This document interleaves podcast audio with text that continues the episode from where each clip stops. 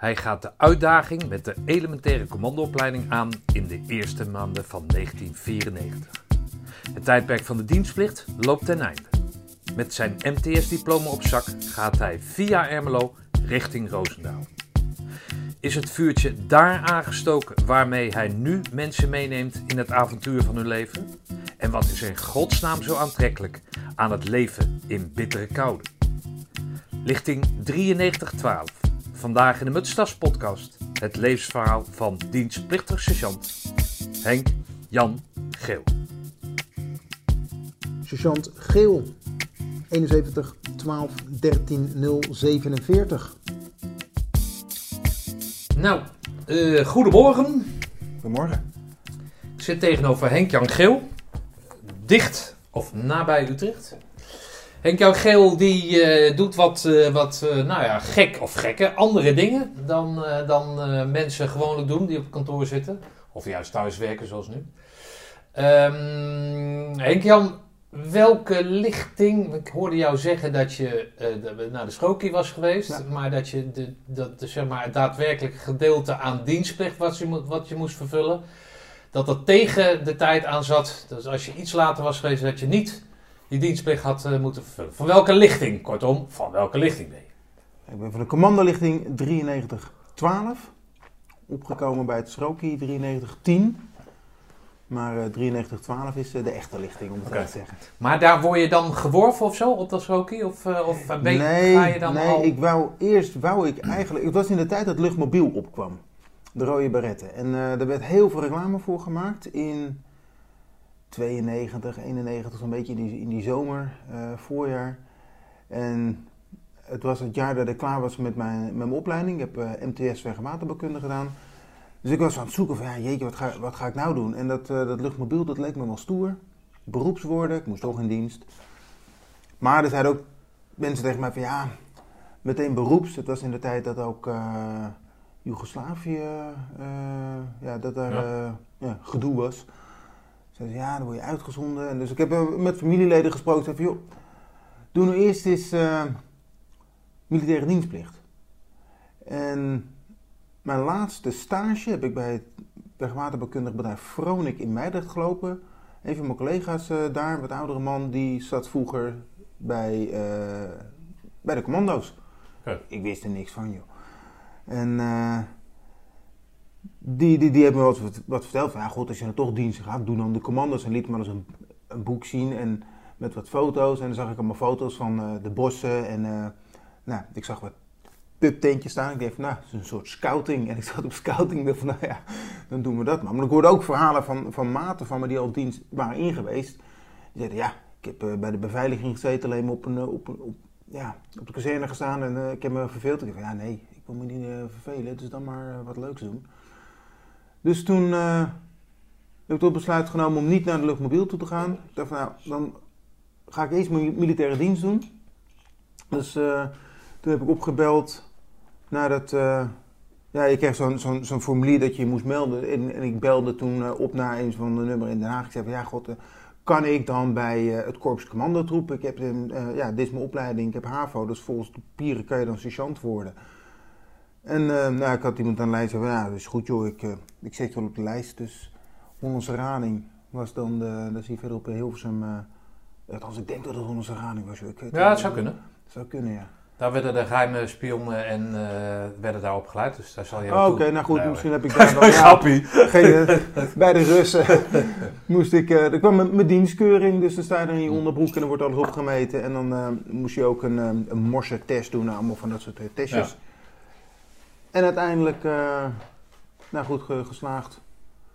Ehm, en aangezien ik naar het, eh, ik wou sergeant worden. Ik denk van ja goed, met mijn opleiding is dat dan het hoogst haalbare in de militaire dienstplicht. En naar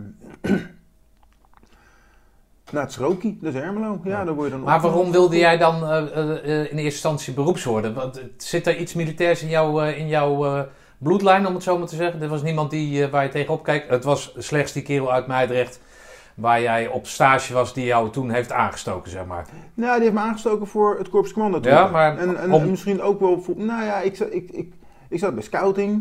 Een aantal jongens van scouting, ook van andere groepen, die, die, die gingen het leger in. Of die werden ik zat bij de zevenkenners, dus heel veel gingen naar, of heel veel, een aantal die ik ken, die gingen naar de marine. Ik heb niemand in mijn familie die überhaupt ergens beroeps is of eh, volgens mij... Oké, maar dat ze jou naar, naar de scouting deden, dat gaf al aan dat er iets, iets, iets in zit dan, zeg maar. Ja, nou, mijn vader heeft me ook op, eh, op pottenbakken gezet met Ah, klei. Alleen Nee, dan, eh, eh, dan- scouting was het leukste wat ik heb meegemaakt. Ja, nee, ik heb heel veel. Ik heb ook honkbal gedaan toen ik acht was. Maar nee, scouting was echt wel het leukste. Met, en het kaartenkompas lezen en het kamperen en het buiten zijn. En het pionieren met pionierpalen, hele hoge torens bouwen totdat ze omvallen. Ja, dat, dat avontuurlijke, dat zat er wel in. En ik, ja, god, hoe oud was ik, joh? 22, zoiets. Dus ik denk, nou ja, dan zoek ik ook wel wat meer van de, van, van de wereld. Van, hé, hey, wat is het avontuur? Ja, Ja. ik, ehm, en ja, dan, dan longt zo'n advertentie van eh, vliegende helikopters met mannen die eruit eh, ja, afzeilen met een touw, met een geweer op hun rug. Ja, dat longt wel. Nou. Ja, dat hadden ze toen de tijd in ieder geval voor mij goed ingestoken. Ehm, dus maar goed, dus jij de wordt reden- gekeurd ja. en, en, en dan ga je richting dat schoolkie. Daar word je dan opgeleid tot, eh, hè, tot eh, eh, aspirant, weet ik wat. je komt eraf na twee maanden en dan ben je, dan ben je corporaal. Ja. En bij het Schroki zaten we met heel veel jongens. Ja.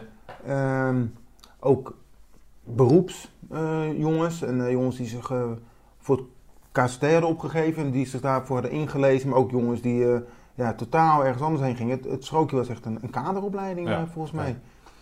Dus eh, Maar daar kwam je de kerels al tegen die ook naar het KST gingen. ja. Werden ja. die, waren dat allemaal mensen die hadden aangegeven dat ze naar het KST wilden? Of werd daar ook op die schrokie, middels een, weet ik veel wat, een, een, een voorlichtingsavond, werd daar ook daadwerkelijk geworven? Nee, volgens mij werd op het Sroki niet meer geworven voor het. Oké. Het waren wel allemaal kerels die eh, zich. Ja, ze, wa- ze waren gewoon geplukt uit de burgermaatschappij. En sommigen werden ja, op de lijst gezet. Nou, jij hebt de potentie om sergeant te worden bij een, ja, een ander landmachtonderdeel. Hm. Eh, de verbindingsdienst of zo, of weet ik veel wat. En een aantal jongens die hadden tijdens de keuring volgens mij al aangegeven... ja, ik wilde wel graag iets, iets doen Hm. met, eh, met fysieke veel dingen. Nou ja, eh, ga dan maar naar de commando's toe. Nou ja. Dus die hadden wel van tevoren moeten aangeven, joh, ik wil bij de commando's. En eh, sommige van die gasten, die hebben ze dan naar het strookje toegezet. En dat is volgens mij met name naar vooropleiding gekeken. Als je universitaire studie had, dan was je al eerder geschikt om dan zo'n eh officiersopleiding te doen. Of een sergeantopleiding. Nou, ik had het speciaal aangevraagd en eh, nou, daar hebben ze mij er ook tussen geduwd. Oké. Dus dan ga je op een gegeven moment richting Roosendaal met dat clubje? Ja, En eh, Ja. dan, dan, dan word je geacht dus, dat, dat, dat weet je, want dan, je hebt die twee maanden, is er jou voorgespiegeld wat jouw eh, toekomstige functie is binnen die, eh, binnen die dienstplicht. Nou ja, je moet mensen in, eh, in, in, de, in de, pas, in, de pas laten lopen, Mhm. laten Ja, groeten ja, en ja. dat soort zaken. Maar dan word jij dus in het begin van de vooropleiding, kom jij in aanraking met, het, met de spijkerbroek die ook zijn dienstplicht moet vervullen en van toeten nog plaatsen weet. ja, ja. Toch? Ja. Want die, als je zegt eh, geef acht, dan snapt niemand. En jij hebt dan eh, al de jarenlange, nou ja. Nou ja, ik heb dan eh, zeven weken meer opleiding. Ja, nee, ik weet nog wel dat wij kwamen met de, de sergeanten. Hoeveel dat er precies waren, weet ik niet meer. Maar ik, ik, ik zeg even 16 sergeanten. Ehm, kwamen wij aan op, op Roosendaal. En wij kwamen er aan op, nou, één week eerder dan de rest van, wat je zegt, de spijkerbroeken. De rest van de lichting. Dus toen wij al een week op de kazerne waren, ik weet wel dat er, ja, die andere mannen die kwamen dan een week later binnen. En die keken wel naar ons van, oh ja, jeetje, jullie zijn al ver gevorderd. Ja. Terwijl, joh, ik, ik zat net acht weken in dienst. eh, zo ver gevorderd eh, was ik ook weer niet. Maar ja, aan de andere kant, in het land der blinden is één nog koning. Dus ja, wij waren heel ver gevorderd. Hm. Ehm, en het kader sliep dan in het officiershotel. Wij sliepen net even op een andere locatie dan, of op de kazerne, dan eh, de manschappen. Eh, maar ja, de rest van het verhaal is ongeveer, eh, ja, iedereen doet evenveel. eh het kader net even wat meer, want je moet wel, ja, orders schrijven of dingen wat, net wat meer voorbereiden. En ja, dan begint de, de, de, de, de vooropleiding. Ja, oké. Ja. Maar dus, dus, dus je bent eigenlijk, of wat ik dan altijd hoor, maar goed, dat, dat zeg je niet, maar dat, eh, dat eh, weet ik dan, hè, om- Mhm, omdat ja. ik wel meer van die eh, jongens eh à la jou heb geïnterviewd. dat je, je, nou je bent niet verheven, maar je hebt gewoon ietsjes meer ervaring. Er wordt jou geduid van, joh, jij moet leiding gaan geven over Mhm, deze club. ja. Dus hou een bepaalde, hè, je, bent er niet, je bent niet one of the boys. Nee. Maar je hoort aan de andere kant, hoor je ook helemaal niet bij, bij hetgeen wat daar voor de rest aan eh onderofficier loopt. Je, bent bijna, nog- je bent nog niet echt een onderofficier. Nee. Maar twee, ben je ook geen groene beret en dat laat mensen, laten ze, ze je weten. Ja, ja. Klopt dat? Nou, ik denk niet dat ze het uit, eh, weten. We hadden natuurlijk gewoon onze, onze vooropleiding. Ja. En ehm, nou, daar zijn instructeurs bij. We hadden, eh, wij waren apart van de rest van de jongens. Maar ik had ook heel weinig of geen contact met eh, commando's. Je zag ze af en toe wel eens rondlopen met een groene bret. En ik had er wel ontzag voor. Oh ja, daar zit ik dus voor. Ja, dan, Ja. en dan zag je ze in je, in je uithoek. En ik weet nog wel, de appelplaats, daar moest je dan om, om, omheen lopen. Daar mocht je niet recht overheen oversteken. Ehm, dus ja, er werd wel wat, wat onderscheid eh, gemaakt. En onze kamers werden als eerste geïnspecteerd. En wij moesten dan weer de kamers van de manschappen eh, Ja, inspecteren. Ging je dat goed af? Zeg maar die rol eh, van, van, van nou ja, leidinggevende ISP, want je hebt natuurlijk nog geen leiding gegeven in je, in je, in je leven. Eh, Hoe, hoe was dat? Hè? In, in, in, Ja. Binnen die context van de bijhoren, niet bijhoren, zeg maar. Ja, ik weet niet precies hoe me het helemaal vanzelfsprekend afging of goed afging. Ik merkte wel bij mezelf van, hé, hey, ik zit met allemaal jongens die ik in het normale leven nog nooit eerder tegen was gekomen. Heel veel universitair gescholden. En ik heb eh, HAVO en daarna MTS gedaan. Dus ik had zoiets, hé, hey, daar zit wel wat discrepantie. Eh, maar ik vond het ook wel ja, leuk om überhaupt in het hele leger te zitten, om daar eh, dingen mee te doen. Dus ik weet wel dat als de kasten werden geïnspecteerd, dat vond ik wel geinig. Uiteindelijk werd ja, kijk maar even naar die kast van Henk Jan, maar dat is een mooi voorbeeld. Dat, dat, dat zag gewoon strak uit. Waardoor dat kwam, weet ik niet, maar het zag wel strak uit. Ik hou Ja. wel van die eh, ja, orde en, en netheid. Ja, Oké. ja. Maar oh, oh, oh, bij jullie in het hotel, als ja, daar, het- ja, ja, was jij het lichtende hotel. Ja, voorbeeld. ik was, is, ik was het voorbeeld. Ja, goed, eh, prima. Dat vond ik wel fijn, want dan hoefde ik het niet nog een keer over te doen. Ja, Oké. dan werd mijn kast het voorbeeld genomen. Hey, maar als je met 16 sergeanten eh, begint dan, hoe- ja, misschien wel om en nabij, hoor. met, Ja. hoeveel, hoe, met zoveel ga je dan de ECO in? Qua sergeanten of qua leidinggevende in SP? Joh, eh, ik, ik weet met hoeveel... het helemaal we niet niet meer weet, hoor, ik- maar- Ik, ik, ik, ik weet met hoeveel we eruit gingen. Ik geloof dat we in totaal met 180 man überhaupt eh, bij eh, de vooropleiding opkwamen. Ehm, en uiteindelijk zijn we er met 33 met een groene bret uitgestapt. Ehm, maar wie, wanneer, waar afviel...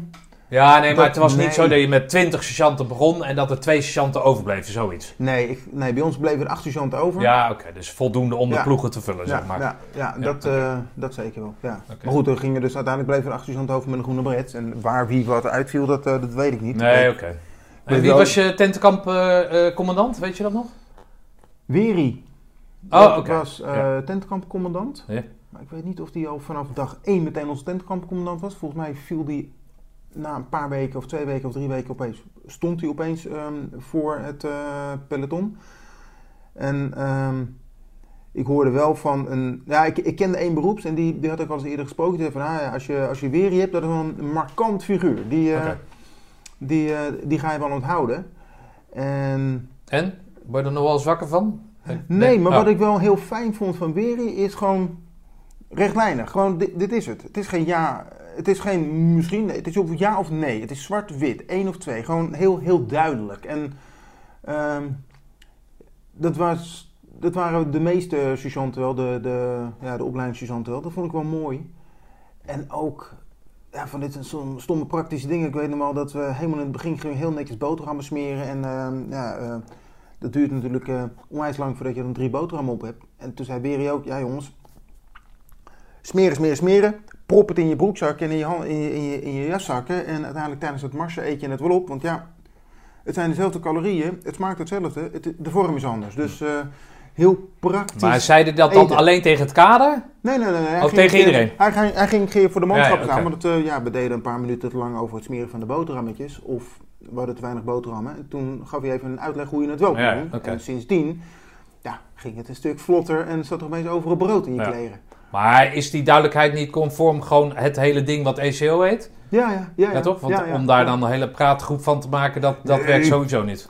Dat werd in twee minuten werd het voorgedaan. Ja, nee, dan oké. moest je het weten. Ja, oké. Hey, en dan, eh, dus als je er met 180 eh erin gaat in die VO, dan zeg een mannetje of 100 Ja, dat je dan die ACO ingaat. Wanneer, wanneer eh, wat ik altijd een hele eh, aardige vind, is of je dan, eh, op- met, in welke gevoelstoestand ging jij die ACO in? Ben je bang? Eh, kijk je om je heen, zie je, zie je weet ik veel Nou, wat. eh, Ja, het is, Beschrijf dat is- eens. Ja, het is al 26 jaar geleden. Maar wat ik ehm, heel vervelend vond, was dat dan had je een buddy. En van een op het andere moment kon hij uitvallen. Hm. En dan stond ik weer zoiets van, oh, nou, shit. Is er nog iemand anders uitgevallen? Is er nog iemand in zetje? Nou, zullen wij dan buddy zijn? En Mocht je zelf uitkiezen? ja, ja, je moet Oh, zelf, ja, dat, dat, dat, eh, mocht je zelf uitkiezen. Ik weet nog wel, ik had een, eh, een jongen, die heette Dimitri. Een eh, ja, redelijk potige kerel, een aardige gast, we konden mee lachen. Ik weet nog wel dat we in de vooropleiding samen een keer in het pubtentje hebben gezeten en dat we oh, stervenskoud hadden. Het was november en, en vochtig en oh, ellende. Maar ja, op een gegeven moment is Dimitri er niet meer. Ja, het is ook niet zo dat ze dan eventjes een rondje doen, jongens, ik ga er vandoor. Ja. Nee, dus pak je spullen en je Maar dat was een onderofficier of een onderofficier in onder- Ja, oké. onderofficier in spe. Gewoon een van, de, van de kaderleden. Ja. En eh, nou, dan had ik een ander kaderlid en die viel ook af. Dus ja, om de zoveel tijd, je kon zomaar wegvallen. Ja, oké. Maar jullie zaten in die ACO natuurlijk met z'n allen in één tent, dus Ja, vandaar dat nou, op die... tentenkamp hadden wij, als kader hadden wij, ik geloof twee tenten. En uiteindelijk was het één één tent geworden. Ja. ja. En de manschap ook, die hadden vier, vijf, zes tenten. En uiteindelijk dat werd steeds minder. Ja, dat werd een beetje ingedikt. Maar goed, dus dat was de gemoedstoestand tijdens de ACO. Maar voorafgaand aan, want ik kan me zo voorstellen, dat weet ik zelf ook, hè, eh, dat je natuurlijk allerlei verhalen tot je krijgt. Dat je daar zelf een eigen nou, Ja, ja. kadertje omheen zet van zo zal het wel zijn. Maar dat het toch op een of andere manier, dat het toch elke Ja, keer anders heb- is. Ja, ik heb wel verhalen gehoord, bijvoorbeeld van een mars. En dan zeggen ze, ja, je gaat een keer marsen en dan loop je voor de poort langs van de kazerne. En dan denk je dat je er bent en dan loop je door. Dus dat zat wel steeds in mijn hoofd van, oké, dus het einde is nooit het einde. En dat had ik eigenlijk bij iedere oefening. De- Hm. Het einde is nooit het einde. En die mars die ik je net beschrijf, die hebben we nooit gehad. Van voorbij de poort lopen en dan doorlopen en dan de achteringang nemen en dan toch nog doorlopen en dan nog zes kilometer lopen. Andere stomme dingen gehad. Ehm, en ja, ik weet wel dat iedere zondag als ik dan weer vanuit Uithoren waar ik woonde met de bus en de trein naar Roosendaal toe ging, dat ik echt zoiets had van, oh man, ja, het, het is niet dat lood me in de schoenen eh, zat, maar het, er waren leukere dagen. Ja. Dus dan heb jij, als je uit, uit Hoorn komt, heb je dan bij de Herons of niet? Hoe heet die, hoe heet Nee? Tamen, Tamen. Oh, eh, Tamen, de ja, ik heb zelf ook grondbal, dus vandaar dat, ik- dat jij in één keer zegt van... Maar goed, dat terzijde, dames en Ja, heren. ik was trouwens de catcher omdat ik daar wat te doen had. Ik merkte al dat als je in het achterveld zat, dan eh, die jongens die zaten de hele tijd op, hun, op hun gat. Die hadden echt helemaal niks te doen. Er kwam nooit een bal. Ja, nee, dat, eh, catcher dat is waar. Maar goed, dat is een uitstapje, dus dan ga jij richting, richting het einde. Eh, hoe, hoe zit het dan met die, eh, met die, met die positie die je dan inneemt? En niet one of the guys en, en ook niet, eh, weet ik veel wat. nou ja, je, als Nou. kaderlid hang je er een beetje tussen. Je kan niet al te joviaal naar, hè, zoals ik het dan invul, niet al te joviaal doen naar de manschappen. Want dan word je gewezen op het feit dat je leidinggevend bent. Mhm. En aan de andere kant, ah, nou ja, kortom, je doet het eigenlijk nooit goed. Of, of chargeer ik dat? Nou, ik denk dat je dat, ja, ik weet, ja, ik denk dat je dat chargeert. Ik denk wel dat wij als kader een, een, een clubje aan zich vormden. We hadden een aparte tent en we moesten dingen voorbereiden. Ik was eh, tijdens de, eh de ACO was ik verantwoordelijk voor het wachtloopschema. Dus ik weet nog wel dat ik in de weekenden dan thuis het wachtloopschema maakte. En ik, eh, ik probeerde, me, probeerde mezelf nooit als eerste, nooit als laatste te zetten. Want dat zijn een beetje de makkelijke wachten. Dus ik, ik, ik zette mezelf wel bewust ergens ertussenin. Ehm dat je in ieder geval nooit het verwijt kon krijgen, verwijt kon krijgen van... joh, Jan, eh, jij, jij pakt altijd eh, de makkelijke wachten. Ja. Want ja, als je om drie uur s'nachts wakker gemaakt wordt... is het altijd een kutwacht. Ja. Of, eh, om, of om vijf uur. Dan loop je tot half zes en dan kun je nog een half uur slapen. Om zes uur weer wakker. Ja, het is waardeloos. Ja. Maar ja, iemand moet het doen. Ja. Dus ik, ik zorgde wel dat ik altijd wel ergens... als ik mijn naam weer voorbij zag komen... dat ik, oké, nou, ik, ik pak nog wel even een, een net wat slechtere wacht. Ehm, Dus die, die rol die nam ik eh, op me. En ehm, ja, natuurlijk, je was, als je dan eh, eh, een put moest graven, er werd de uitleg gegeven aan een corporaal, sergeant in spe. Eh, en wij moesten het overbrengen aan de manschappen. Met de Ja. manschappen gingen we dat doen. En van die ACO, ja, ik zag sommige dingen ook wel weer met, met humor in. Ik weet nog heel goed, dan moesten we ehm, op, ik geloof dat het op uh, Bakka's Rozenboom was, heb je een, ja, ehm, een hok voor de palen. Palen van een meter of twee, drie lang. En wij moesten dat, eh, eh, ja, dat hok moesten we schoonmaken. Gewoon eh, buiten, dus alle palen eruit. Daaronder, lag, eh, het, ja, lagen bladeren onder de palen. Bladeren weghalen en dan de palen weer terugzetten. dus nou, zo gezegd, zo gedaan. Wij halen al die palen eruit. En we maken de onder schoon. Gooien al die palen er weer in. Ik denk, nou, die liggen. Dus eh, een van de beroepssergeanten, die had eh, de leiding over die, eh, over die nou, oefening. Die meldt zich af. Een van de kaderleden. En de kaderleden, die, of bij een van de instructeurs. Dus die instructeur komt kijken en die zegt, ja, je hebt alle palen teruggelegd. Hoe kan ik dan zien dat je het hebt schoongemaakt? Ja, maar we hebben het echt schoongemaakt. Ja, hou ze maar weer uit. Ik wil het zien. Ja, ja. Ik had zoiets, ja, prima. Maar die gozer, die, die, die beroeps, ja, die vond het niet zo tof. Dus eh, nou, met een, eh, met zagrijnig gezicht, wij al die palen eruit halen, harken, terug, afmelden. Sergeant komt kijken, ja, dat is eh, goed jongens, leg die palen maar weer terug. Dus eh, nou, we flikkeren die palen weer in dat, eh, in hok en eh, instructeur die is weer weg natuurlijk aan de koffie. En eh, die, die, die beroeps die meldt zich opnieuw af, ja, we, we, zijn klaar. Instructeur komt kijken, ja, die palen moet je wel rechts uitlijnen. Die moeten allemaal recht liggen. En ja, de, de, de voorkantjes van die palen, die, die, die Uiteraard. staken een beetje uit. Dus dat was nooit goed. Ja. Nou, die gozer ging helemaal uit de ster. Die, die beroeps dan. Die, eh, die in de opleiding zat. En ik had zoiets van, nou, ja, ik vond het eigenlijk wel grappig. Dan konden we die palen er nog een keer uithalen. En ik heb wel gemerkt, als je gewoon in een bepaalde cadans doorgaat... en je dus niet helemaal kwaad maakt op die palen... want dan heb je geen energie meer over voor de stormbaan. Ja. Maar gewoon in een bepaalde cadans die palen eruit halen. Want ja, dan zijn we daar een kwartier mee bezig. Prima, dan hoef je geen kwartier op te drukken. Ja, het wordt vanzelf weer licht. Ehm, dus als je dit doet, kan je niet wat anders doen.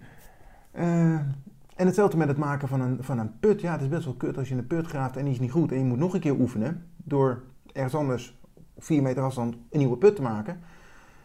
Ja, ik, ik, ik liet het een beetje gelaten over me heen komen. Ik dacht van ja, als dit de opdracht is, dan is dit de opdracht. Ja. En dan ga ik dat gewoon doen. Ehm, want tegenspraak, dat heeft weinig zin. Ja, die put is gewoon niet goed. En als dan de reprimande is dat je nog een keer moet oefenen. Ja. Ja, dat is het dan zo. Hey, even een, een, een andere vraag. Hoe, Ja. eh, hoe lag jij binnen de, binnen de gemeenschap die ECO heet? Jemig. Ehm, Jij komt uit, uit, eh, uit Horen. Ja. Dat, dat is een redelijke randstad, maar dat ligt toch boven Amsterdam als ik eh, mijn eh, ten kaart zuiden lees. van eh. Amsterdam. Ja, ten zuiden van Amsterdam. Of ten zuiden van Ja, Amsterdam. ja, Oké, nagaan. Dus 50 zo goed zit ten mijn, zuiden van Amsterdam. zit mijn Ja, kaartendingen ja, in ja. elkaar. Maar eh, ehm, hoe, hoe- ja, als jij zegt scouting, dan ben je niet de, de- niet de gozer die in een discotheek rond, rondhangt. Nee. Maar Nee. hoe, hoe, eh, hoe, hoe, hoe was dat dan? Nou, ik ben een, eh, ik ben party animal geweest. Dus eh, met die jongens die eh, in het weekend eh, gingen feest vieren, daar, nou, had ik niet zo ontzettend veel mee. En er waren in ieder geval van de, van de manschappen, waren aantal die gingen het weekend gewoon nog maximaal feest vieren. Nou, prima. Ik ging in het weekend roeien en zeilen. Ehm, en ik, nou, ik, ik, ik voel mezelf altijd wel een beetje een, eh, een soort eh, een solist. Ook kan je nooit ja, binnen deze volledig solist zijn, want daar hou je het ook niet. Dus eh, er zal ook wel iets in me zijn wat de teamgeest eh, aan, aanwakkert. Ehm, wat ik zelf wel weet is dat ze mij redelijk snel MacGyver gingen noemen. Het was ook een beetje in de tijd Ja, dat de MacGyver. Ja, die term bestaat nog hoor. Ja, Ja, prima, ja. prima. Ja. Want ik had wel mijn dingetjes voorbereid. Ik weet nog wel dat we ehm, in het weekend nam ik hele kleine stukjes hout. Die ging ik droog op de kachel, insmeren met schoensmeer. Zodat ik mijn vuurtje door de week net wat sneller aankreeg. Ik had... ehm, ja. ja, het, Ja. Zijn, het, zijn die, het zijn die secondes die het, eh, het verschil Ja. soms kunnen maken. Maar de schoensmeer fikt dat zo goed dan? ja, als een, als een jek. Oh ja? Oké. dat is, dat is gewoon... Oké, dat wist je toen al. Niet, niet met de... Met nee, de... dat, nee, nee, nee, dat Oh, hebben ze me een keer geleerd. Van, ja, je kan ook schoensmergs opsmeren. Ik denk van, ja, dat kan je ter plekke doen, maar je kan het ook voorbereiden. Ja, dus ik heb het voorbereid. Is dat, is dat die scouting achtergrond of... of eh, Of is dat daar eh, geboren, dat, dat gevoel? Nou, ik denk wel dat het daar een beetje geboren is, omdat alles ging op tijd. En dat hebben ze me ook wel ehm, verteld. Dus ik weet nog wel dat ik in de kerstvakantie heb ik elastieken in mijn, in mijn overal gedaan. Dat je niet die Ja, ja. elastiekjes erin hoeft te vouwen bij je schoenen. Ik had een binnenzakje genaaid aan de binnenkant van mijn overal. Aan de buitenkant mocht je niks zien, maar aan de binnenkant mocht je het gewoon helemaal customizen. Dus daar kon je dan pen en papier en zooi in, ehm, in doen. Ik had klittenband om mijn epauletten gezet. Dat als iemand een keer hard aan je epauletten trok, dat er een klittenband losging en er En niet de knoop. knoop, afging. Ja.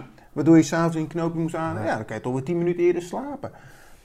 Ik weet nog wel dat ik bij mijn, en dat doe ik nu nog steeds trouwens, de veters van mijn kisten, aan het midden van het veet heb ik een knoopje gelegd. Zodanig dat de uiteindes van mijn veters altijd even lang zijn. Want dan kan het, de veter kan maar 2 centimeter naar links en 2 centimeter naar rechts. En niet zo kloten om, ja, halverwege de week je veters, als je net van de sport afkomt, je veters te moeten herstellen. Dames en heren, er mogen aantekeningen gemaakt worden. Ja. Want dit zijn toch wel tips die... Ja, dat zijn echt de MacGyver-tips Ja, ja, inderdaad. ja. Dus Nou, nou, het zegt, ja, het is een hele goeie. Vooral van die, van die epauletten. Ja, maar en dat is een hele kleine ding. En dat gebruik ik nu voor mijn werk ook nog steeds. Ik pas eigenlijk ieder eh, onderdeel pas ik wel aan. En dat vind ik ook wel leuk om er mee bezig te zijn. Van, ja, hoe kan ik het beter maken voor de toepassing die ik nodig heb. Zonder dat dan de instructeurs het kader, eh, instructeurskader eh, ziet van hé hey, Geel, je hebt wat aangepast. Want ik kwam ook een keer mijn andere t-shirt aanzetten. Nou, die mocht ik ter plekke verbranden, bij wijze van spreken. Die, die moest uit. Ehm, dus ja, zo zit ik wel te kijken van, hé, hey, hoe kan ik het net eventjes wat, Ja. wat, wat, wat slimmer en Nou ja, als je in het weekend in die show de, de, de kroeg in gaat, dan zit jij bij wijze van spreken elastiek in te naaien. Waardoor Ja. jij inderdaad de winst hebt in die, eh, in die momenten dat je elke minuut slaap kan, eh, kan, kan gebruiken. Ja, Dat is het uitgangspunt. ja. Oké, dus ja. ben je dan een vreemde eend in de bijt? Zeg, zeg je dat of bedoel je dat? Ja, ik denk als je er bijna MacGyver krijgt, dat je, dat je wel op... nou ja, ik denk wel dat je... Ik vind het een positieve bijnaam. ja, ik vind het ook dat je- positief hoor. Je, valt wel op. Ja. Ehm, en ze- maar goed, ik denk dat iedereen wel een bepaalde ja, opvallendheid eh, had. Er zijn ook jongens die hebben wel eens eh, ja, het hoogste woord gehad. Of wel eens, die, die, die, die, die, die, sta, die, die hadden altijd het, het, het hoogste woord, niet het laatste, want dat is het kader wel. Ja. Ehm, en nog steeds, ja, dat is een beetje een karaktereigenschap. En eh, met het MacGyver dingen aanpassen, dat, eh, dat, Ja. dat neurderige gedoe met je uitrusting. Ja, ik vind het heerlijk, nog Ja. steeds. Maar had je, had je het gevoel dat je dan niet aansloot bij de grote bekken, om het zo maar te zeggen? Ik, ken- ik ken dat hoor, die grote bekken. Ja. Dus ik weet wat voor een type je bedoelt. Maar Nou ja, maar ik, ja, maar ik zocht ook geen aansluiting bij grote bekken. Dat, dat, dat, dat, dat hoefde voor mij ook niet. Ik, eh, Nee, nog niet zozeer binnen het kader, want je, dat kader dat, dat slinkt, zoals de manschappen ook, ook, slinkt. Maar dan heb je natuurlijk wel eh, eh, ook grote bekken onder, onder zeg maar, de manschappen zitten, toch? ja, En dan, dat Ja, maakt ja, als ja, een MacGyver of als een, een, een leidinggevende in spe, maakt dat wel, wel moeilijk. Ik weet dat in de ECO die grenzen wegvallen. Maar goed, ik kan over mezelf zeggen dat ik toch eh, nog steeds een hartgrondelijke eh, aversie kan oproepen als ik denk aan bepaalde personen. Niet dat ik er nou heel erg, erg mee bezig ben, maar wel het type persoon. ja, Weet je, van... eh, als ik daaraan denk, aan die kerel denk, dan staat dat voor dit en dan dat. En dat heb ik later, zeg maar, meegenomen in de burgermaatschappij. Ja. Weet je wel? Oh, als jij zo bent, dan... En dan blijkt het vaak, en naarmate je ouder wordt, dan krijg je daar natuurlijk iets meer feeling voor, ja. mensenkennis. Dan blijkt het altijd wel weer te kloppen. Alleen binnen die dienst, hè, binnen dat dienstding, is een speedmars heel verhelderend. Van, oh ja, zo zit jij in elkaar. Mhm. Snap je? En dat heb je in die burgermaatschappij, heb je dat natuurlijk niet. Ja. Maar daarom is, vind ik het altijd wel leuk om, om, om te kijken welke positie je zelf hebt en hoe je dat dan zelf zit. Nou, als jij het hebt over neurderigheid, hè, eh, eh, dan kan je die, die, die stokjes met dat dinges kan je als neurdig zien. Maar aan de andere kant denk ik, als iemand dat in een moeilijke situatie oppikt, die een grote bek heeft om het zo maar te zeggen, in het weekend de volgende keer voordat tien bier in binnen slaat, eerst die stokjes gaat drogen. Ja, toch? dus dat zo kan. steek Ja. je dat eh, wel wat van elkaar op. Nee, ik, ik, ik weet wel dat er... ehm, ik had altijd wel zoiets van... Hé, hey, er zijn heel veel jongens die hebben een veel hogere opleiding dan ik. En dus daar had ik persoonlijk, zonder dat ik dat heb uitgesproken... Maar ik, ik weet wel dat, dat... Dat zat in mijn hoofd wel. Van hé, hey, die gasten zijn eh, slimmer of zo. Of die hebben het anders voor elkaar. Ja. Ehm, dus daar zat misschien een bepaalde bewijsdrang van... Oké, dan ben ik in ieder geval slim met mijn uitrusting. Dan, Hm. dan zorg ik dat ik daar niet op afval. Ehm, en nou, nogmaals, ja, die, die, de, het, kaderings, de, het kader, de syllabus die we moesten doorlopen, ja, ik, ik, er zat ook wel humor bij. We hadden een jongen bij die zat die, was, die is nog steeds werkzaam bij het para-team, Ja. beroeps. Ja, die moest voor ons een para-rol demonstreren. Tot in den treuren. Nou ja, hij moest steeds van een paaltje van 50 centimeter afspringen. Ik vond het wel grappig. Of iemand die eh, eerder een sigaretje rookt. Ja, rook dan maar het hele pak sigaretten in één keer op. Ja, het is hartstikke goor, denk ik. Maar ehm, die humor... Ja, ik heb ook wel ehm, een aantal keer lopen lachen. Maar goed, ook een keer dat er een, een, een sergeant recht voor mijn neus stond... terwijl ik eh, gewoon tijdens de inspectie in slaap was gedukkeld. Ja, dat, eh, zijn de minder mooie momenten. Ja. Dan dacht ik echt van, oh fuck. Die zet me gewoon bij de deur. Die zet Ja. me er gewoon uit. Hey, hoe is jouw positie dan als. ehm, want dat vind ik namelijk ook altijd een aardige. En dat niet omdat ik dat zelf heb meegemaakt, maar dat ik dat in die interviews heb gehoord.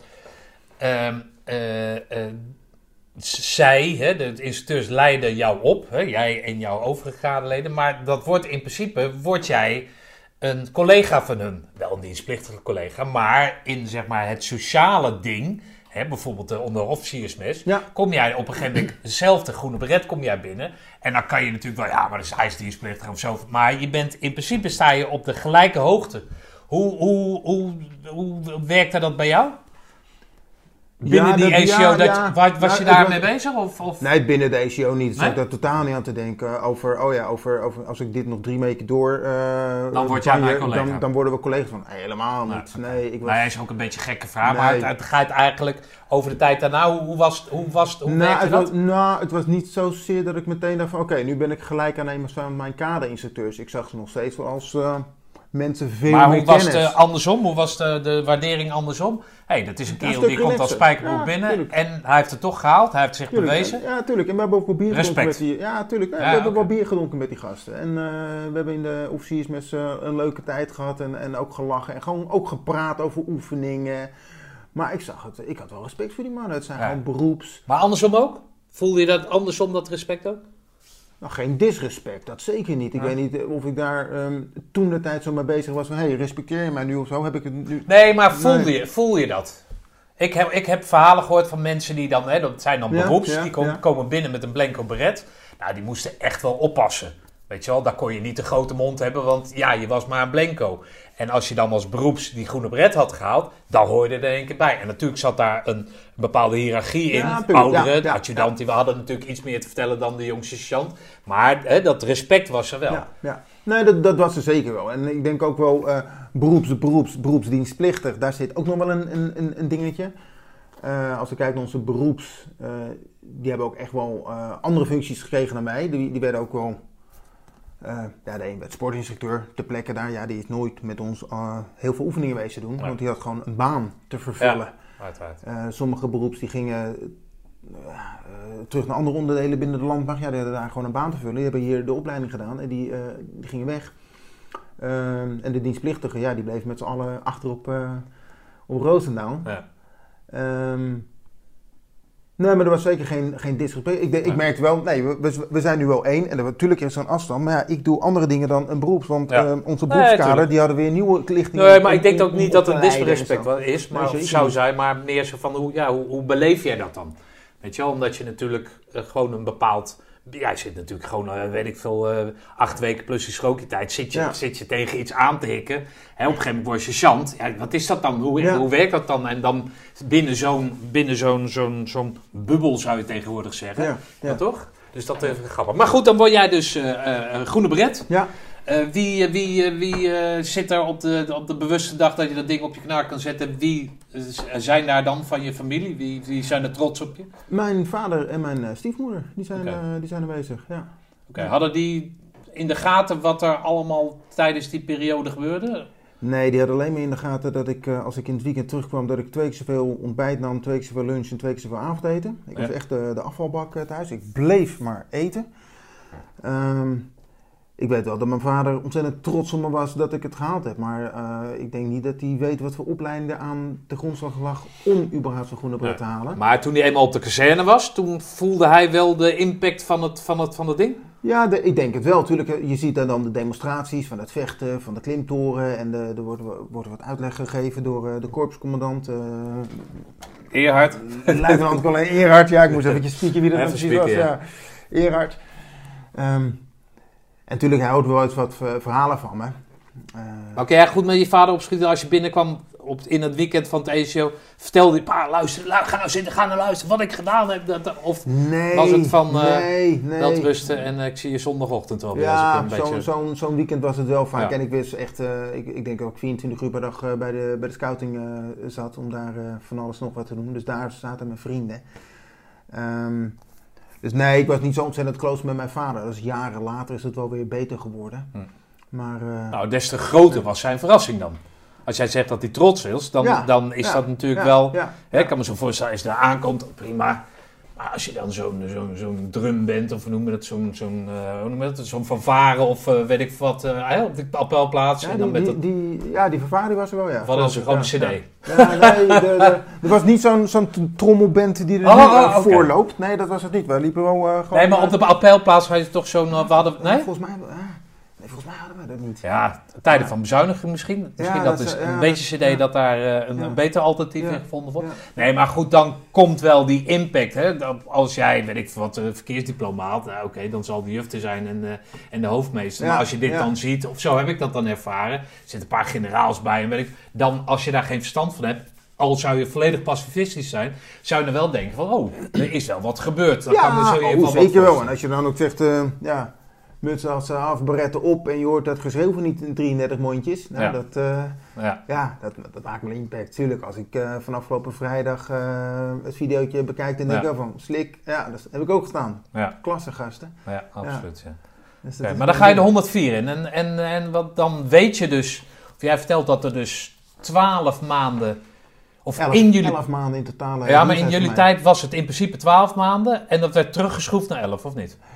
Tijdens jullie Nee, ik heb twee maanden strookje gedaan, omdat ik Ja. kader was. En daarna negen maanden dienstplicht. Dus voor de soldaten was negen maanden dienstplicht nog maar. En omdat ik sergeant werd, Oh, was het oké, twee oh, maanden was extra. sergeant. Ja, Ah, oké, dat was Ja. nog 9 maanden. het was nog maar negen maanden. Dus die, die kerels, zeg maar, eh, zoals ik ook ben geweest, dus Ja. gewoon dienstplichtig eh, eh, soldaat, om het zo maar te zeggen, was het 9 maanden min 4 maanden opleiding. Dus was je 5 maanden paraat. Het was eh één maand vooropleiding. Was Oh, één maand voor. Januari, februari was eh, elementaire Ja, commandoopleiding. half jaar dus. En daarna nog zes maanden Ja, ja. allemaal oefenen, trainen. Oké, Ja, voortgezette opleiding dan. oké. Dus negen maanden, ja, dat was echt ja, zo voorbij eigenlijk. Ja, Ja. dat was zo voorbij. Dat Maar dat sloot, even kijken wanneer jij hem kreeg, in februari. 25 februari. Ja, dat sloot wel aan met een. Stel dat je een vervolgstudie zou doen, dan zou je d- daaruit gaan en meteen die vervolgstudie kunnen Ja, we aanvatten. gingen er in oktober uit, geloof ik. Oh, oktober, dat weet weer te laat. Dat een van onze jongens, die, eh, die kreeg een baan bij Unilever, dus die mocht er een maand eerder uit. Die had eh respijt gekregen. Ehm, en de rest, ja, we gingen er, ik geloof iets op 25 oktober, ehm Hm. liep- liepen we de poort uit. Oké. Ja.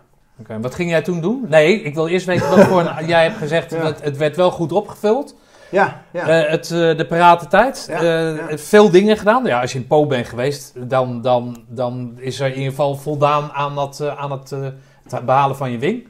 Ja, we hebben, Wings, ja, we hebben, ik heb brevet aangehaald Nederlands springen en we werden toen gelood. En ehm, ja, bij toeval zijn alle sergeanten in ieder geval eh, hebben die eh, de Franse wing ook gehaald. Dus konden we uit zo'n Frans eh, toestel springen. Dan moet je net de andere kant uit de deur stappen. En ik weet nog wel dat op een van die sprongen was ik de eerste die mocht springen. En ik stond bij zo'n Franse ja, instructeur en die wees een vliegtuig aan wat aan het vliegen was onder mij. Ik had nog nooit een vliegtuig onder mij zien vliegen. Sterker nog, ik was nog nooit geland met een vliegtuig. Ik heb nog nooit gevlogen. dus ja, dat vond ik wel heel indrukwekkend om gewoon een beetje zo'n mooi uitzicht te krijgen. En uiteindelijk word je eruit gebonjourd. Ehm slimme streupers. Ehm, overlevingsoefening. We hebben oefening gedraaid in vogelenzang, Duitse oefening. Ehm, dat was ook met eh, ondervraging erbij. We werden uitgevlogen ook met een alouette, met zo'n helikopter. En eh, nou, eh, uiteindelijk kregen we dan de ondervraging.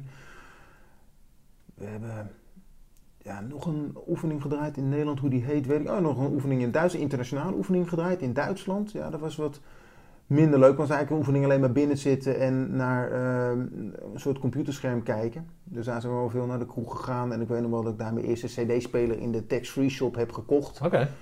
Een Kenwood ding geloof ik, of een Technics. Ehm, dus we hebben wel veel oefeningen eh, gedaan. Een, ja, een, de enige ding waarvan ik dacht van, nou, is dit nodig? We hebben één dag hebben we scheppen lopen schilderen.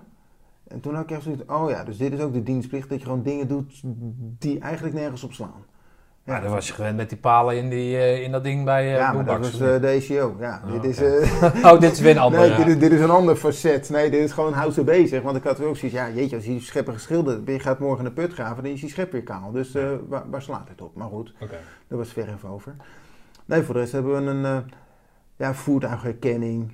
Ehm, iedere week een paar keer de stormbaan doen. Ja, we Ja. waren lekker, we waren lekker Maar bezig. dan, wat ik dan eh, weet, echt, ik weet helemaal niks, maar in ieder geval, jullie zaten hè, tegen het, de, de- die transitie aan, of jullie zaten wellicht midden in die transitie, of het Ja. zat eraan te komen, Ja. eh, ehm, eh, naar het beroepsleger.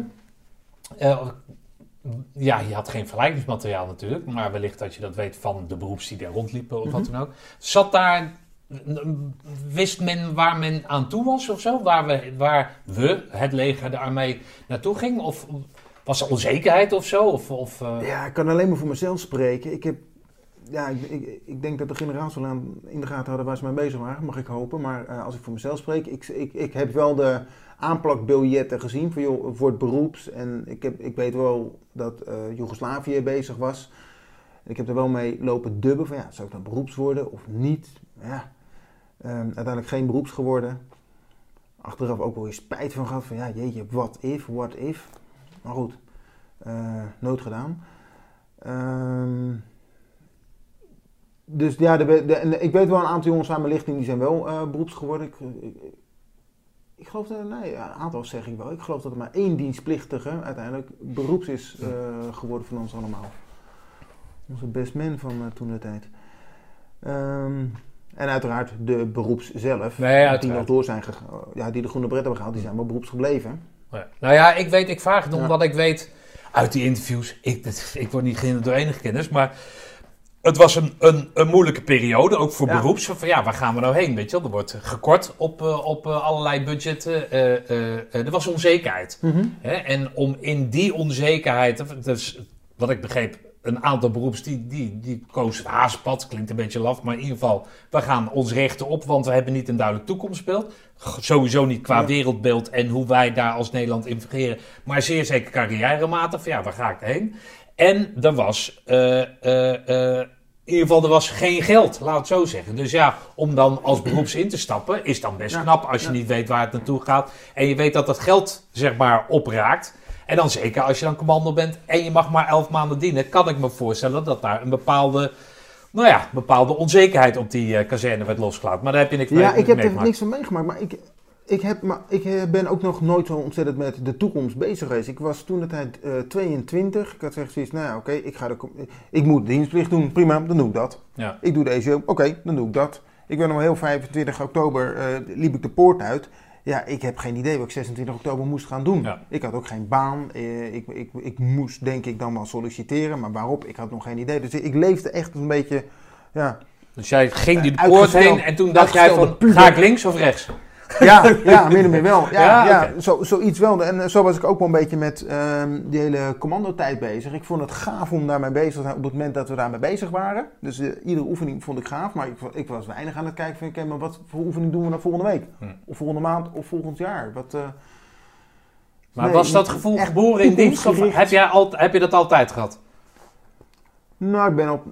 Ik heb nooit zo'n hele ambitie gehad van, oké, als ik later groot ben, dan word ik dit. Over Nou, maar vijf dat, jaar... dat staat wel een beetje haaks op van Word ik die houtjes met dat ding, dat voorbereiden. Dat, dat is natuurlijk toch wel, het staat Ja, haaks op hetgeen tuurlijk, dat je zegt van, ja, ik links of rechts. Nee, maar ik weet wel dat ik die, die, die, die houtjes van het voorbereiden, ja, die heb ik volgende week wel nodig. Dus dan ga ik ze wel, eh, Ja. dan ga ik ze wel doen. Maar eh, ik heb nooit gehad van, oké, ik ga dus nu commando worden en over vijf jaar is dit mijn functie, of bij de commando's of in de burgermaatschappij. Ik heb dit als, als toekomst. Maar zo. waarom werd je geen beroepsstand? Want ik heb een heel verhaal gehouden over, weet ik veel, de onzekerheid. Maar hoe was jouw gevoel daarin? Waarom werd jij geen beroeps? Ehm, nou, ik had toen de tijd ook een vriendin in Zweden, Ingrid, dat is nu mijn vrouw. En ehm, ik had ook zoiets van, ja, ik wil eigenlijk ook wel kijken of dat wat gaat worden. Ja, er- dus er waren meerdere krachten die aan mij, eh, mij trokken. En ik ook iets van, ja, verdorie, als je beroeps wordt, dan is er een kans dat je doodgaat. Ja, dat is ook wel een, een dingetje wat aan me getrokken heeft. Van, ja jongen, wil- je dit wel? Ehm, Werd je daarin geholpen door de mening van, van je vader of zo? Ja. Of, ja hoor, ja hoor. Ja, hoe stond hij daarin dan? Nou, ik weet niet zozeer van het... Ja, die, die vond het niet zo tof als ik beroeps zou worden bij, bij Luchtmobiel. Echt over deze keuze om wel of geen beroeps te worden bij eh, de commando's hebben we het nooit echt over gehad. Maar gewoon het hele legerding, dat, dat, dat stond gelijk aan de kans dat je zou sneuvelen. Ja, Nou, ja, nou niet ja. onterecht Nee, natuurlijk. ik denk dat het een reële kans is. Maar goed, als je Ja. autocoureur wordt, is die kans ook aanwezig. Dus Dus toen werd je autocoureur. Uiteraard. ja. Nee, er- waren meerdere dingen. En eh, ja, ook de vriendin in Zweden. Ik had zoiets, ja verdorie, als ik dan beroeps word, dan zit ik hier weer. Nou, dan moest je kort verbandweerligger, ehm negen jaar of zo. Dus dan zit je negen jaar hier. Dat is negen jaar niet in Zweden, waar mijn vriendin woont, woonde. Ehm, dus ja, goed, uiteindelijk dan maar de poort uitgelopen. Er is ook in die tijd nooit iemand naar me toegekomen. Althans niet dat ik me eh, actief kan herinneren. Die zei van, jongen Jan, ehm, hoe kijk jij er tegenaan? Zou je beroeps willen worden hier? En die mij dus de opties heeft voorgelegd, als beroeps ga je dit en dat doen. Misschien als dat wel was gebeurd, dat ik een andere keuze had gemaakt. Maar ja, dat is ook een beetje achteraf praten. Ja, wellicht waren ze daar niet zo sterk in de- toen, Nee, toen de tijd. Ik heb geen idee. Ik weet wel, ja, ik weet wel dat er twee verschillende dienstplichtige nou, FNO, of, eh, V- eh, v- eh, beroepsverenigingen waren, of van die eh, belangenverenigingen waren. God, hoe noemde je dat? Vakbonden? Vakbonden, dankjewel voor jouw uh, dienstbrengen. Er waren twee vakbonden en die kwamen alle twee ehm, kwamen zij op de kazerne. Dus ik was ook van alle twee lid geworden. ik kan geen nee handig. zeggen. Ja. Heel handig. Dus ik was echt eh, dubbel genaaid. Ehm, dus waarschijnlijk als er iemand van ehm, afdeling Human Resources langs was geweest of personeelszaken die had gezegd, dit zijn opties, had ik ook bijgetekend. Maar. Dus dit, dit, dit, eh, als Ja. een, genera- een generaal dit hoort, dan denk ik, gemiste kans, godverdomme. weet ik niet. Misschien- MacGyver hebben we laten, laten glippen. Ja, misschien Ja. denkt hij ook van ja, iemand die twee keer ja zegt tegen twee verschillende vakbonden is ook geen gemiste kans. Dus, ja, wees ja, blij, dat, blij dat we van dat blij dat we van hem af zijn. Ja, dat, dat we die hebben laten glippen. ja.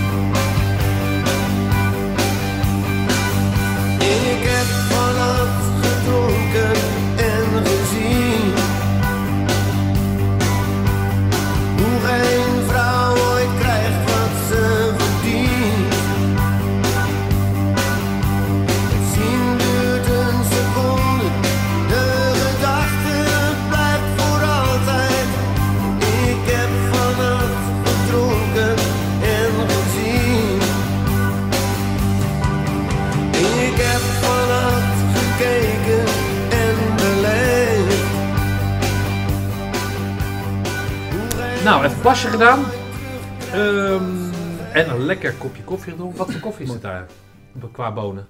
Oh joh, ik, Oh, dat weet je niet ik, eens. ik koop altijd wat. Godverdomme. Het is een hele grote zak. Dat Met hele lekkere bonen. Ja. Hey, dus eh, jij komt eh, de poort uit Ja. als, eh, als burger. Jij kijkt naar links, jij kijkt naar rechts. Zal ik links afgaan, zal ik rechts afgaan? Ja. Wat eh, is jouw besluit? Ja, uiteindelijk ga ik- Geworden. Ja, mijn besluit is geworden, ik ga naar huis. En ehm, het was een hele slechte tijd qua arbeidsmarkt in Nederland. Het was oktober 94. En ehm nou goed, Ja, was dat slecht? Ik heb geen idee meer. Ja, het, sch- eh, het schijnt. Althans, dat hoorde ik van anderen. Oké. Ik, ik, ik, Hoge had- werkloosheid of zo toen? ja, ik had nog nooit gesolliciteerd, dus ik had er totaal geen kaas van gegeten. Ik eh, werkte altijd via uitzendbureaus en dat ging helemaal heerlijk. Je ging daar op eh, ja, maandagochtend heen, op maandagmiddag had, ik, eh, had je een baantje. Ik, eh, ik pakte mijn rugzak in, ik wou eigenlijk naar, eh, naar Schotland. Ik wou een keer naar Echtencarry, en Speenbridge en eh, bij Loch Ness. En eh, ik denk, nou ja, dan ga ik eens in de, in de ga ik, eh, ga ik wandelen, lijkt me tof. En eh, ik, had, eh, ik weet nog goed, ik had mijn, eh, mijn spullen uitgelegd om mijn, eh, om mijn bed. Sla rugzak daarnaast. En eh, ik werd opgebeld door een of ander detacheringsbureau van ja, we hebben een, eh, een baan voor je bij, eh, bij een weg- en waterbouwkundig eh, bedrijf. Ben je aan de buurt? Wil je solliciteren? Oh, oh, oh, nou ja, oké. En nou, toen heb ik een baan gekregen bij een weg- en waterbouwkundig bedrijf. En die, allemaal spulletjes maar weer in de kast gelegd. Ik ben nog nooit, althans toen de tijd, nog nooit naar Schotland toegegaan. toen heb ik bij eh, Oudenalle Funderingstechnieken gewerkt. Dat is een bedrijf wat heipalen in de grond slaat. En daar heb ik eh, ja, werkvoorbereiding gedaan. Hm. Dus eh, calculeren hoeveel kost het om heipalen in de grond Oké, eh, Maar dat, dat was in het verlengde van jouw opleiding? Dat was in het verlengde van mijn weg- en waterbouwkundeopleiding. Ja, ja. Dus... Is dat, qua avontuur, staat dat haaks op wat je achter hebt gelaten in die Engelbrecht van Dassen kazerne? Ja, dat was wel heel wat Berekenen anders. van palen, weet ik veel wat. Ja, dat was, eh, dat was heel wat anders. Dus eh, Ja. in het weekend had ik wel weer eh, avontuur met, me, met mijn vrienden. Gingen we kamperen en gingen we erop uit. In december gingen we altijd als het, als het koud werd, gingen wij naar de Ardennen toe. Huurden we een, een busje, Volkswagen busje, ik weet nog wel, een blauwe. Bij Bekkering in Uithoren. En dan reden we met z'n vieren, vijven in het busje richting de Ardennen. En dat was het, eh, ik zeg altijd, ja, het stond in het teken van de drie K's. Het eh, was kamperen, kampvuur en de kroeg. Met name dat laatste. Ehm, en dan was het s'avonds ergens in een weiland je tent opzetten. En ik vond het altijd wel stoer. Dat was in de tijden dat ook de film Die Hard op de, op, in de bioscoop draaide. Dus voor ons waren dat... Was dat ook in Mel Gibson of zo? Ja, volgens mij Ja, wel, ja. ja. Dus wij zeiden dat ja, het zijn onze die hard weekenden.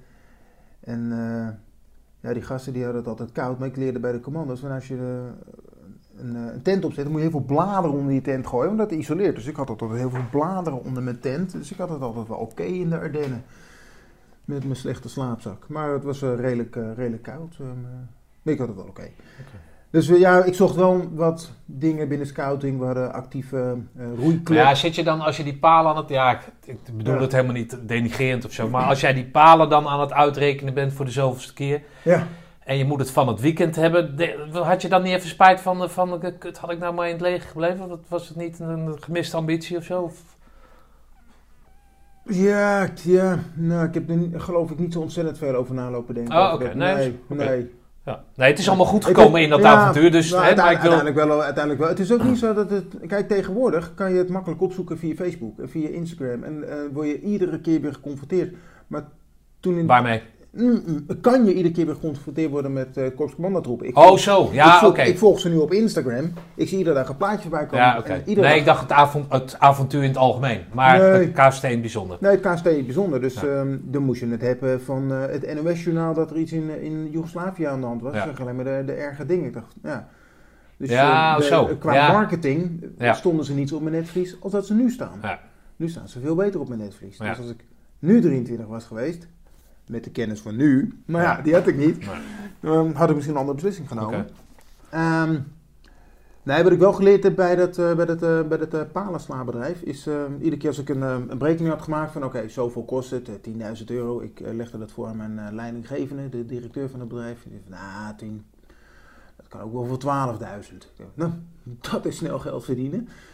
En dan kreeg hij het werk, kregen we ook nog. Dus ik, nou, als ik dan het werk, de handtekening eronder stond, dacht ik... nou, dat had ook voor 10 gekund. Maar ja, dat is eh, makkelijk 2000 Ja, euro. er- Dus- dus- er zat een aardige marge op, eh, dus, te dus zo ga, ja, en toen ik het uitrekende, zat ook al een marge op mij zitten. Gewoon uit, eh, hup, 2000 euro erbij. Prima, hier kunnen we 3000 euro. Ik dacht, oké, dus zo gaat het in de echte wereld. Ehm, dus mijn perceptie van geld werd daar wel wat anders. Oké, dus de mensen betalen ook 12.000 euro in plaats van 10.000 euro. Prima. Ja. En ehm, nee, daar heb ik een tijd gewerkt, maar echt, ja, echt tof was het niet. In de zomer van 1995. Maar, het, sorry dat ik je onderbreek. Ja. Die eh, relatie met dat, dat, dat streven om, of in ieder geval het uitvinden van hoe, hoe diep die relatie zat of kon worden. Dat is wel, daar heb je wel uiting aan kunnen geven. In de zin van dat jullie wel bij elkaar zijn gekomen. Ingrid en ik. Door dat werk, omdat dat low profile was. eh, of low profile, maar in ieder geval, hè, je gaf een kans. Je gaf die relatie een kans. Ja. En dat heb je ook, hebben jullie ook benut. Zijn ze hierheen nou ja, gekomen of zo? Wat? Nou ja, wat er gebeurt is, ik, ehm, ehm, in de tussentijd is het ook uit geweest tussen Ingrid en mij. Ik dacht van, ja jeetje, dat is ook wel heel ver weg. En eh, ja, ehm, als je dan 23 bent en je hebt een vriendin, dan heb je die liever eh, in hetzelfde dorp. Want dan kan je er ieder, ieder weekend naartoe. En in de zomer van 1995 was in Nederland de Wereldjamboree. Heel groot scouting evenement. En daar ging ik naartoe. Maar Ingrid... In de Galgenwaard, of niet? Nee, niet in de Oh. Galgenwaard. Dat was op het Lowlands terrein bij Oh, oké. Oh ja, dat weet ik wel, ja. Ik denk Ja. dat er 40.000 mensen waren. Allemaal tentjes, heel veel evenementen. Daar hielpen ook nog gasten van het KZT, hielpen daar met, eh, met eh, de, de bootjes, om wat eh, bootjes heen en weer te varen. Nou, dat is ook niet echt het, het inzetgebied waar je voor opgeleid bent. maar goed. Daar kwam ik Ingrid weer tegen. Ehm, Toevallig? Nee, ik wist dat ze erheen ging. Dus ehm, eh, we hebben elkaar weer opgezocht. En eh, daar sloeg de vonk eh, voor de tweede keer over. Want je had het uitgemaakt dan of zo? Ja, in december zo'n beetje had ik het uitgemaakt Ja, per, brief of per telefoon. Ik zei van ja joh, dit gaat ook niet werken ook joh. Jij zit helemaal daar. Wat Ik zei ze? Hier en, Dat is weinig natuurlijk, maar wat Ja, schreef ze ja, terug? ja, ja, je hebt, ja, ik geloof dat ze terugschreef dat ze het wel jammer vond. Maar ja, ja wat kan je daar Vond je toch altijd een eikel, dus Eigenlijk wel, ja, oké. ja. Dat is ook maar duidelijk dan. Dus eh, nee, we hebben heel even, ja, is, is het uit geweest. Maar in de zomer van 95 kwam ik haar weer tegen, dus hier in Dronten tijdens de Wereldjamboree, dat, grote scoutenkamp. En ja, de vonk sloeg weer over. En toen heb ik wel tegen haar gezegd van, ja jeetje, eh, als wij nu wat gaan doen, dan moeten, dan moeten we er ook wel voor gaan. Ja. Want we kunnen niet zo los vast, ja, dat, dat, eh, dan ga je weer naar Zweden, ik weer in Nederland en dan weer gekloot. Ehm, en die zomer heb ik toen ehm, ontslag genomen van mijn werk. Ik werkte nog steeds bij dat heibedrijf. Ik weet nog wel dat mijn ouders, die waren op vakantie ergens in België. Die heb ik eh, een brief gestuurd van, joh, ik heb een brief gestuurd naar België. We hadden geen e-mail. Dit is mijn, eh, dit ga ik doen. Ik heb ontslag genomen. En eh, ik ga in oktober, ga, ik heb twee maanden opzegtermijn. Dus in oktober ga ik naar Zweden toe.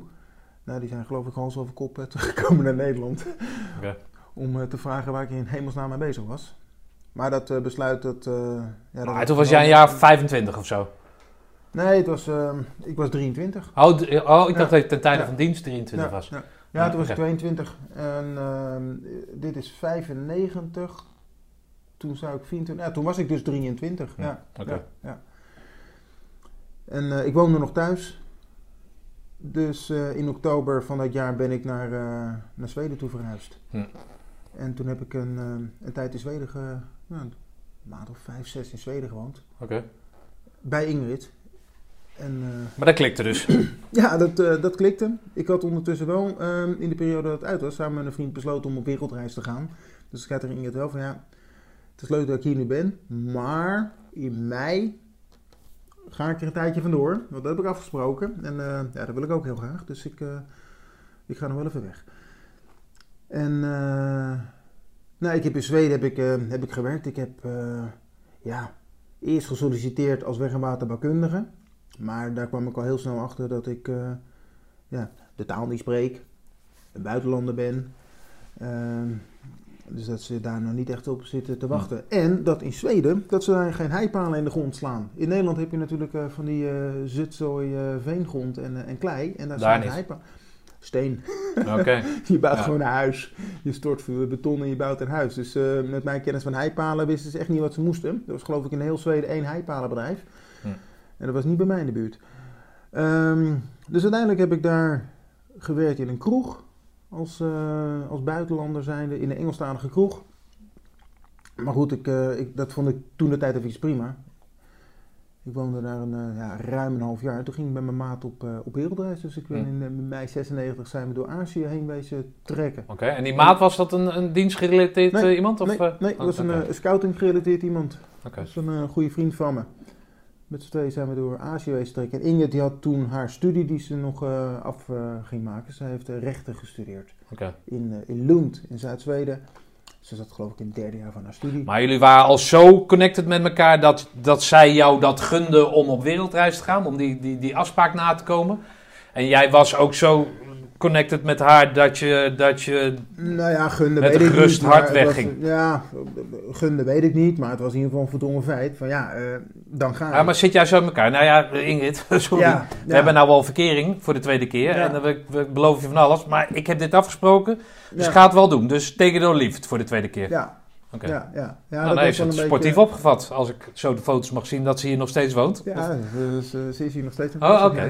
ja, ja. Maar hoe lang ben je op winter, of wintersport, op, op eh, wereldreis geweest? We zijn negen maanden op wereldreis Oh, geweest. oh, dat is wel echt wel een... eh, eh, ja, een tijd. En, eh, we zijn door eh, India, Nepal, Thailand, Oh. Maleisië, Singapore geweest, eh, Hm. Indonesië geweest. Maar had je zoveel gespaard dan? Of uh, werkte je onderweg? Of hoe uh, heb je dat... ge- ja, ik had, eh, ik had wat gespaard.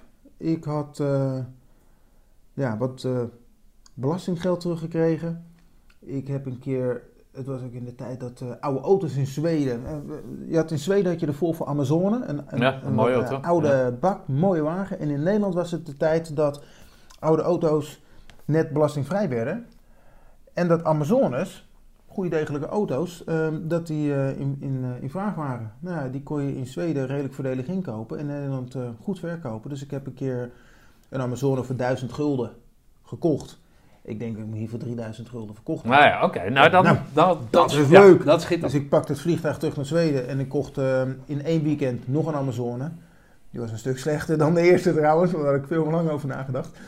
Maar die heb ik ook met wat winst kunnen verkopen. Dus alles bij elkaar had ik, eh, nou, ik geloof 10.000 gulden. Oké. En dan kon je Nou, dan kan je wel weer kan je wereldreis redelijk van een wereldreis Ja. melden. Ja, als je niet overal eh, in het Hilton slaapt, eh, is, het, eh, is het goed te doen.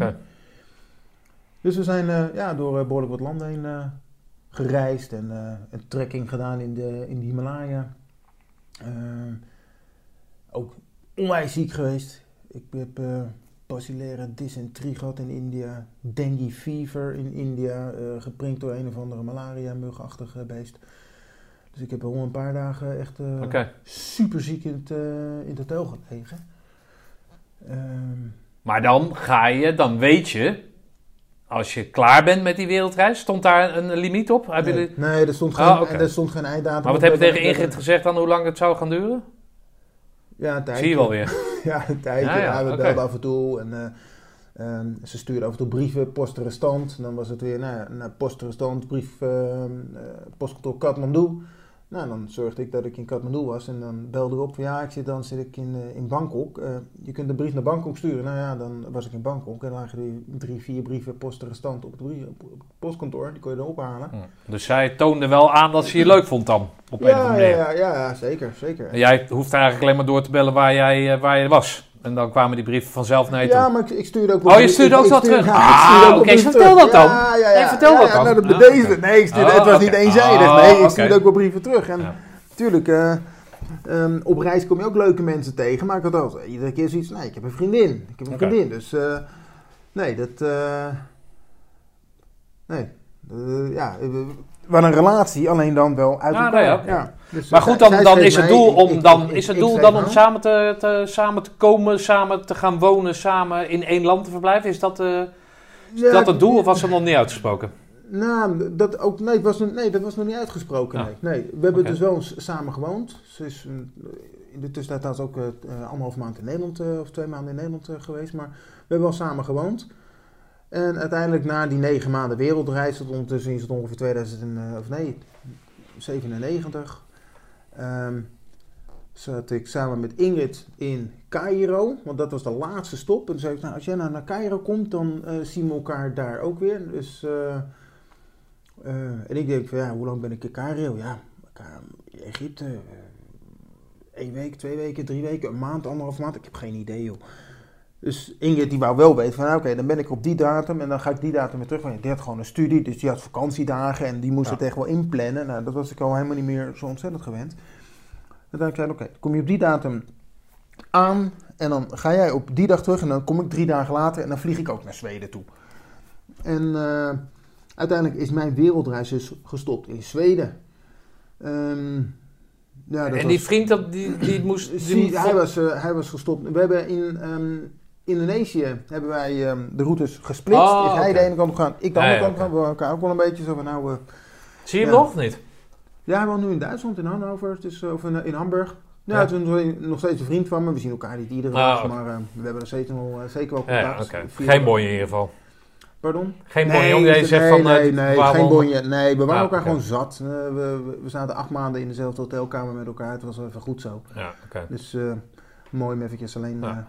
Maar goed, dus jij gaat naar Zweden nou, en dan, dan sluit je die periode af. Dan heb je dus alles wat je wilde Ja. doen, Ja. heb je, afge, heb je afge kunnen vinken. Ja, ja. En dan? Dus, nou, ik dacht, nou, dan, eh, dan ga ik in, eh, in Zweden wonen. Ik heb er altijd wel gewoond onder het mom van, oké, Inget is met haar studie bezig. En op het moment dat we met de studie klaar zijn, dan gaan we terug naar Nederland. Dus ik heb me nooit echt gesetteld in Zweden. Nooit een, ik ben nooit lid geworden van een sportclub. Ik ben er wel naar de, de klimvereniging toe gegaan om af en toe te klimmen. En dat geluk had was dan de, de, de vaste klimpartner daar. Maar het is niet dat ik daar aparte afspraken mee maakte. Ehm, Maar goed, wel eh, zoeken naar een baan. Dus in eerste instantie terug bij, dat, eh, bij die kroeg. Oh, ik heb ook nog bij een, eh, een, in een ziekenhuis gewerkt als afwasser. Aan de lopende band.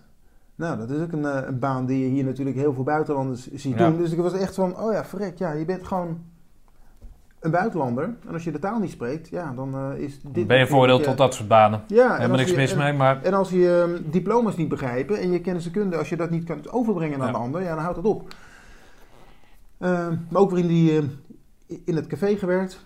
En uiteindelijk zag ik een eh, advertentie dat ze bij een, eh ja, een multimediabedrijf, een bedrijf wat televisies, video's en dvd-spelers verkocht, zochten ze iemand nodig voor de Nederlandse order desk.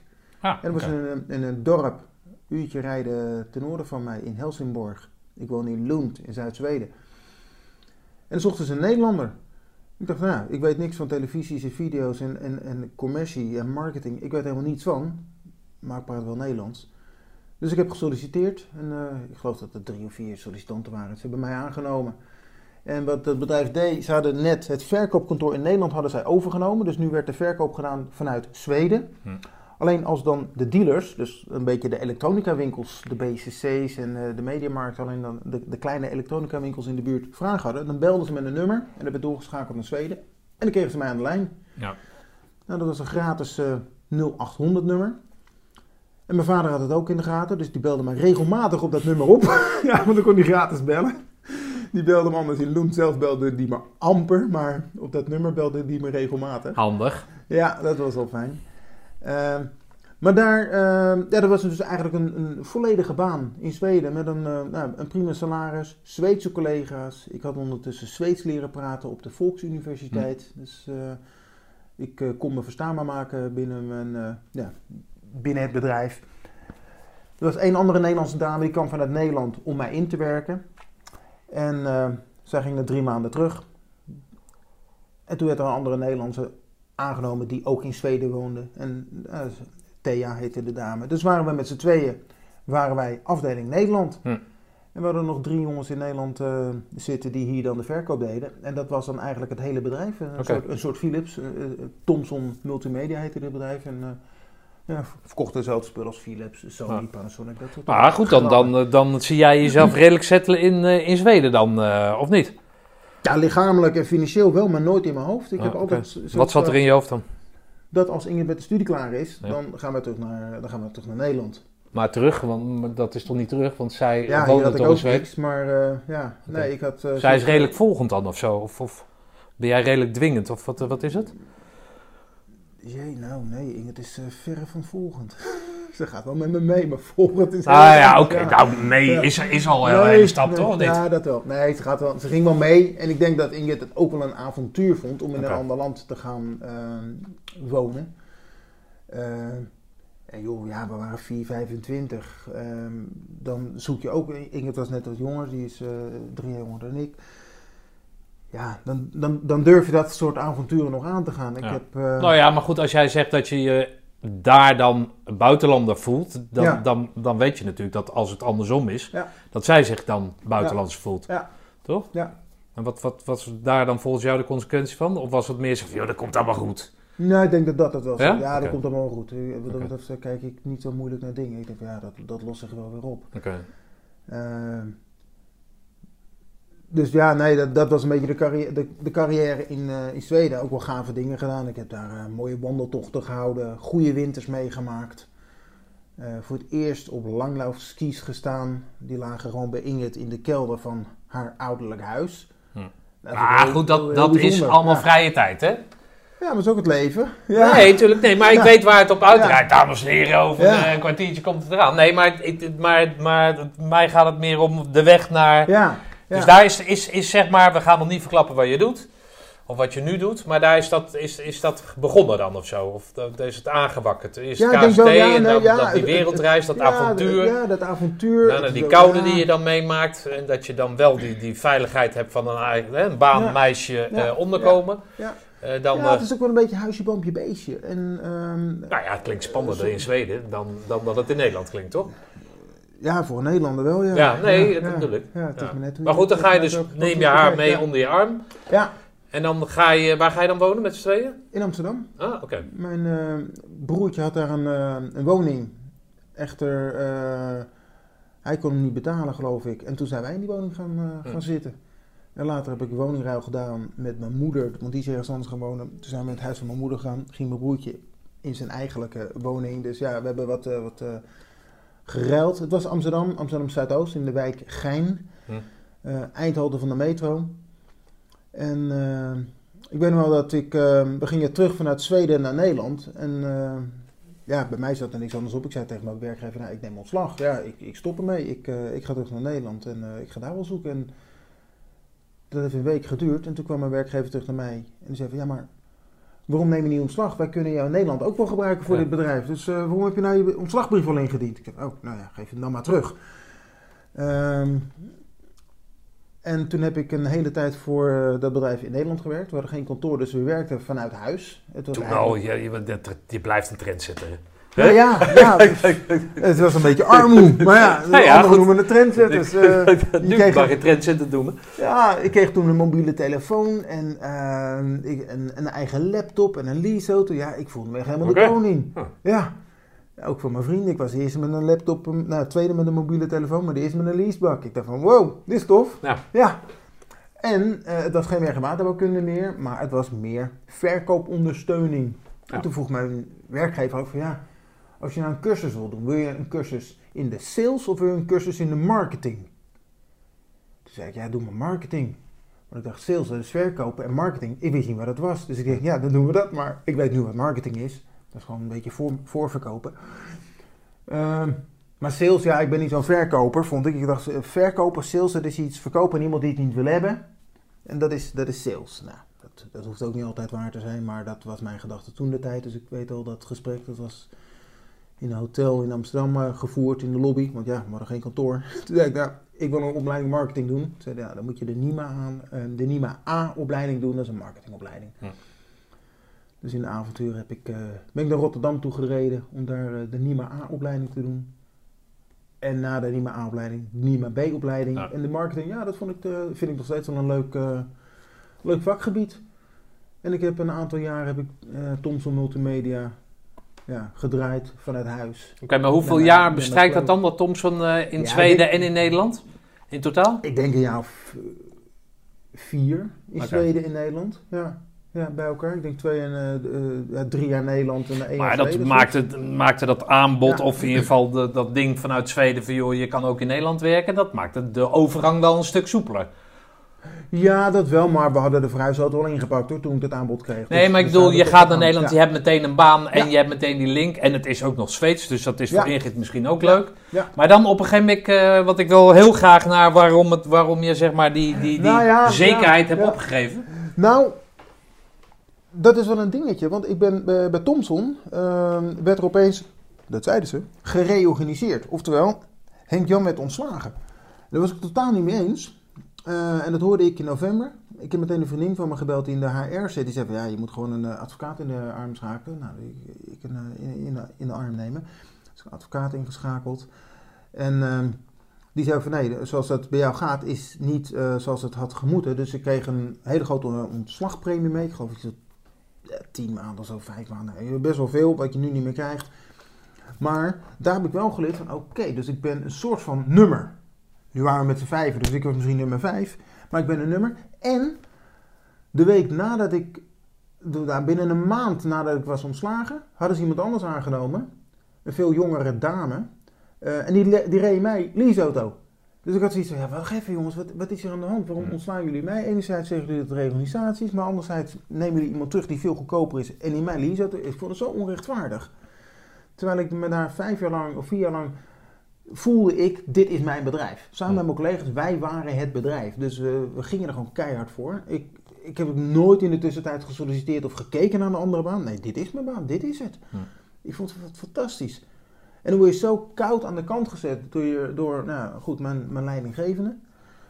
Ehm, Ja, door je leidinggevende of door het bedrijf? Want het lag natuurlijk niet aan die leidinggevende. nou, die leidinggevende... Die Of was dat de directeur, de- de hoofdbaas keer? De, de hoofdbaas Nederland. Oh, die had daar een hele... Nou, het- ik, ik denk door hem Hm. dat hij dat anders eh, zag. En ehm, ja, Wel die lijn Ah, door die hoofdbaas Nederland. Ehm, terwijl we daar, ja, voorheen hadden we altijd heel goede gesprekken, ook eh, zoals we nu aan tafel zitten. En op het moment dat, we, dat mijn ontslag werd eh, aangezegd, zei hij ook van, ja, gingen de gesprekken opeens heel anders. Van, Henk-Jan, eh, ben je wel eens aan het solliciteren? Ja, zou je daar niet eens over nadenken of zo? En toen was mijn ontslag nog niet aangezegd. Toen ging hij het eerst Ja, een beetje bij ja, mij voeden van, hey, misschien moet Henk-Jan zelfstandig weg. En uiteindelijk eh, anders. En, maar daar heb ik wel geleerd van, oké, dus als ik voor een bedrijf werk, dan werk ik dus niet voor mezelf, maar dan werk ik voor het geluk van een ander. En dan kan je wel van de een op de andere dag ontslag nemen. Dus dat heb ik wel geleerd van, oké, dus je moet wel een soort... Ja, dat wist je toch al? In die ECO heb je dat toch, heb je dat toch eh, wat jij zegt, dat die, dat, die, dat die maat van jou, je buddy, in één keer wegvalt. Tuurlijk, ja, binnen een andere context, maar je weet toch dat dat, zo, dat, dat kan gebeuren? Ja, maar dan valt je buddy weg. Dus ik kan me wel voorstellen dat opeens een collega van mij wegvalt. Maar niet dat dan het, eh, het KZT tegen mij zegt van Hint-Jan, eh, ga maar weg. Oftewel, mijn werkgever zegt Hint-Jan, eh, ga maar weg. En dan nemen ze daar een ander voor aan die goedkoper is in de leasebak werkt. Terwijl Ja, oké. Ja, ik werkte naar... Er was geen loyaliteit, voelde Nee. jij niet. En die voelde je bij Nee. het KST wel. Ja, Als je niet vol- volstaat, dan ga je weg. Maar dan heb je dat aan jezelf te danken. het KZT is heel eerlijk. Ja. Ik vind het KZT, de, de instructeurs ook, ehm, ze zijn heel eerlijk. Ze zijn nooit geniepig van, oh ja, we gaan jou over naaien, want dan, ga je, dan, zet- dan, dan zetten we je eruit. Dat doen ze niet. Terwijl die leidinggevende daar, die was geniepig en die ging me wel naaien. En dat vind ik gewoon niet eerlijk. Dus Ja. eh, nee, die instructeurs bij het KZT, je kan het niet met ze eens zijn, maar ze staan er wel voor. Dat, en dat vind ik... Maar binnen dat TomSom, of binnen die commerciële wereld, heb jij gevoeld van, hé, daar, daar zit een verschil in. Ja, nou in ieder geval met deze leidinggevende zat Ja, daar zeker een verschil in. En misschien ook wel bij andere bedrijven, dat het meer haantjespolitiek is en dat het meer rattenpolitiek is. En eh, in, mijn eh, perceptie oneerlijk. Maar ik kreeg een zak geld mee, maar je voelde je wel genaaid. Ja, ik kreeg een zak geld mee. Dus van dat zak geld heb ik een wintersportuitrusting kunnen kopen. Ik ben op bergbeklimcursussen geweest in Oostenrijk. Dus ik heb me wel vermaakt. Maar ik voelde me wel genaaid. Ja, ik, vond me, oké. ik vond het niet eerlijk. Genaaid door het systeem, om het zo maar te zeggen. Het klinkt een beetje zwaar, ja, maar daar komt het wel op maar neer. met name door die, door die, door die vent. Eh, dat was niet eerlijk. En, ehm, Maar als hij het eerlijk had gezegd dan? Ja, misschien iets te ver doorgaan, maar als hij eerlijk had gezegd, ja Henk, ja, mooi luisteren. Je, werkt, je doet hartstikke goed je werk, alleen je Ja. kost gewoon te veel. ja, nou zeg dat dan. Ja, had je, dat, dat had je wel. eh, en Ja, we gaan we met een jonge meisje in zee die wat goedkoper is en die gaat jouw leasen. Kan je haar even inrijden? Ja, Dan had je er geen ja. probleem mee gehad? Anders, dan is het eerlijker geweest. Had ik nooit kut gevonden. Ik had nou, ik heb misschien overlegd van ja, oké, maar wat is dan te veel? Moet ik, moet ik minder eh, kosten of zo? Zo, Ja, maar dat gesprek zijn we Ja, geweest. Dus, en het, het feit dat we met advocaten beide kanten op het, het gevecht aan moesten gaan. Nou, ik zie van ja, fuck jongens. Ik ben zo loyaal en dan moet je met advocaten het gevecht aan gaan dat, het, eh, dat je eruit gezet wordt. Ja. Dat is niet echt tof. En toen dacht ik wel van oké, mijn volgende baan, die doe ik wel voor mezelf. Dus ik ben, eh, eh, ik weet niet... eh, Zelfstandig. Nee, niet, niet zelfstandig. Dan, dan, dan, eh, als ik een baan aanneem, dan neem ik hem met een bepaalde voorbehoud, neem ik die baan aan. Dan weet ik wel van, oké, ik werk er voor jou, maar ik wil er zelf ook wel wat... Ik, ik word minder loyaal. Op een of andere manier. Op Je bouwt wat reserve in. Ja. In dat loyale gevoel wat je daarvoor wel had. Ja, ja. En ik ben na vier maanden ja, eh, bezig freewheelen, gewoon eh, rondrijden in Europa met uh, mijn ski-uitrusting. Ehm, ben ik eh via het vier maanden en hoe doe je dat thuis dan? Dat zegt- Nou, Nee, niet vier maanden, maar ik ben een paar Oh, weken op vakantie geweest in, in Oh, het was niet van, een hey, joh, ik ga vier eh, maanden weg en, Nee, nee, zeker niet. Zeker niet. jij dat Nee, alles betaald Ik is? zat gewoon thuis, alleen ik, ik had geld meegekregen, dus ik kon naar Oostenrijk doen Ja, ja, wintersport. Ik kon naar München. Ging je moeder. mee dan? Nee. Oké, dat is ook nou, goed geregeld dan, toch? Nee, nee. ja, nou, het had ook wel tof geweest zijn als ze wel mee Oh, eh, was geweest. Nou, Eh. Als ik een vrouw had die al mijn eh, of, nou, mooie passies ook deelt her en der op, in het veld. Dus jij had besloten om iets voor jezelf te doen. Bepaalde reserve inbouwen. Ja, voorzichtiger ja, te zijn in dat gevoel van... nou, we zijn beste vrienden tussen haakjes en ik ga ervoor en jij gaat er ook voor. Want ja, je ja, was beschadigd. Ja, ja, ja, ja, Ja. zeker. Ja, die, eh, dat, eh, daar heb ik wel een knauw van, eh, gekregen, of van, van geleerd in ieder geval. En, eh, Maar toen niet, ben ik, dat is eh, niet positief. Want je nee. leert er wel van, maar het is nee, niet lekker. Nee, nee, toch? nee, zeker niet. Zeker niet. Nee, ik heb er ook wel lang over eh, ja, nou, een soort van last van gehad, niet. Maar als ik in de leidinggevende dacht, dan eh, eh, kreeg ik rillingen over mijn rug. Van, gat, ik hoop niet dat ik hem in de straat tegenkom Ja, ja, ja. of zoiets. Niet Ja. hem op zijn bek slaan, maar ja. Ja. Geen, eh, niet, Langdurig folteren. Ja, ja dat, dat, dat, dat, dat lijkt me beter. Water, waterboarden. Ja. Eh, ik ben benaderd door een headhuntersbureau. Die zagen mij, eh, ja, ik weet niet waar ze mijn cv zagen. LinkedIn had ik toen nog niet. Eh, en die zeiden, joh, we hebben een, een baan voor jou voor een, voor telecombedrijf, T-Mobile. En in marketing, ik zie dat je multimedia gedaan hebt. Nou ja, mm, T-Mobile kwam net op in Nederland. Toen ben ik in Den Haag gaan werken. Niet lang volgehouden. Maandje of zes, denk ik.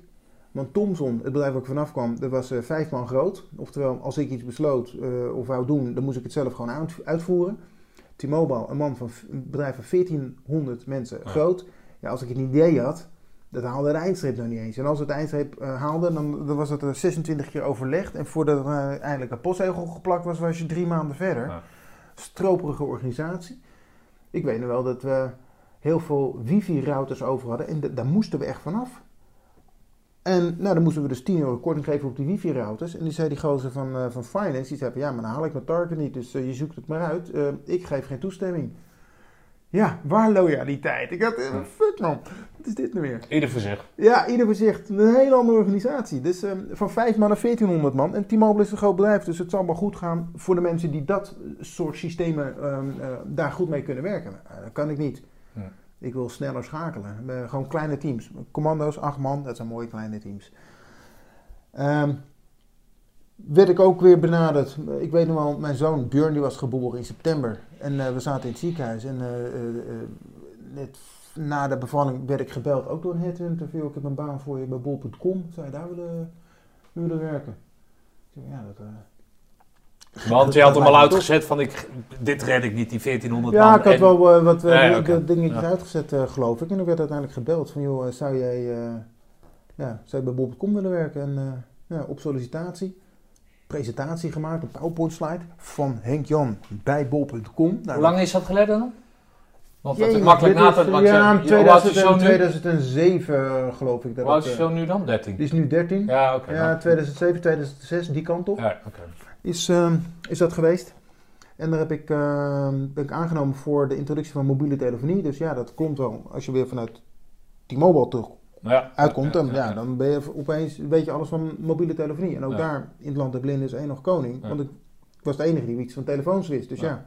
Nou, dat is een uit- uitdaging toch? Want dat was nog Ah, niet voor de overname door de over... was voor de overname... Albert Heijn heeft het gekocht? Ja, of? Albert Heijn heeft het gekocht. En daarvoor heeft ehm, grote, eh, John de Mol eh, is eh, aandeelhouder geweest. Aandeelhouder. Of, eh, Maar dat was allemaal daarvoor. Dus ja, ja, ja, ik, ik was bij, bij Bob.com was ik nummer 75 op de payroll. Oh, oké. Dus nou, een nieuwe gein. Dus dat was hartstikke tof. Ik kende gewoon Ja. iedereen bij naam. Ja. En dat, dat, dat was gaaf. Dit was weer een beetje mijn club. Het is echt een gaaf bedrijf om voor gewerkt te hebben in die tijd.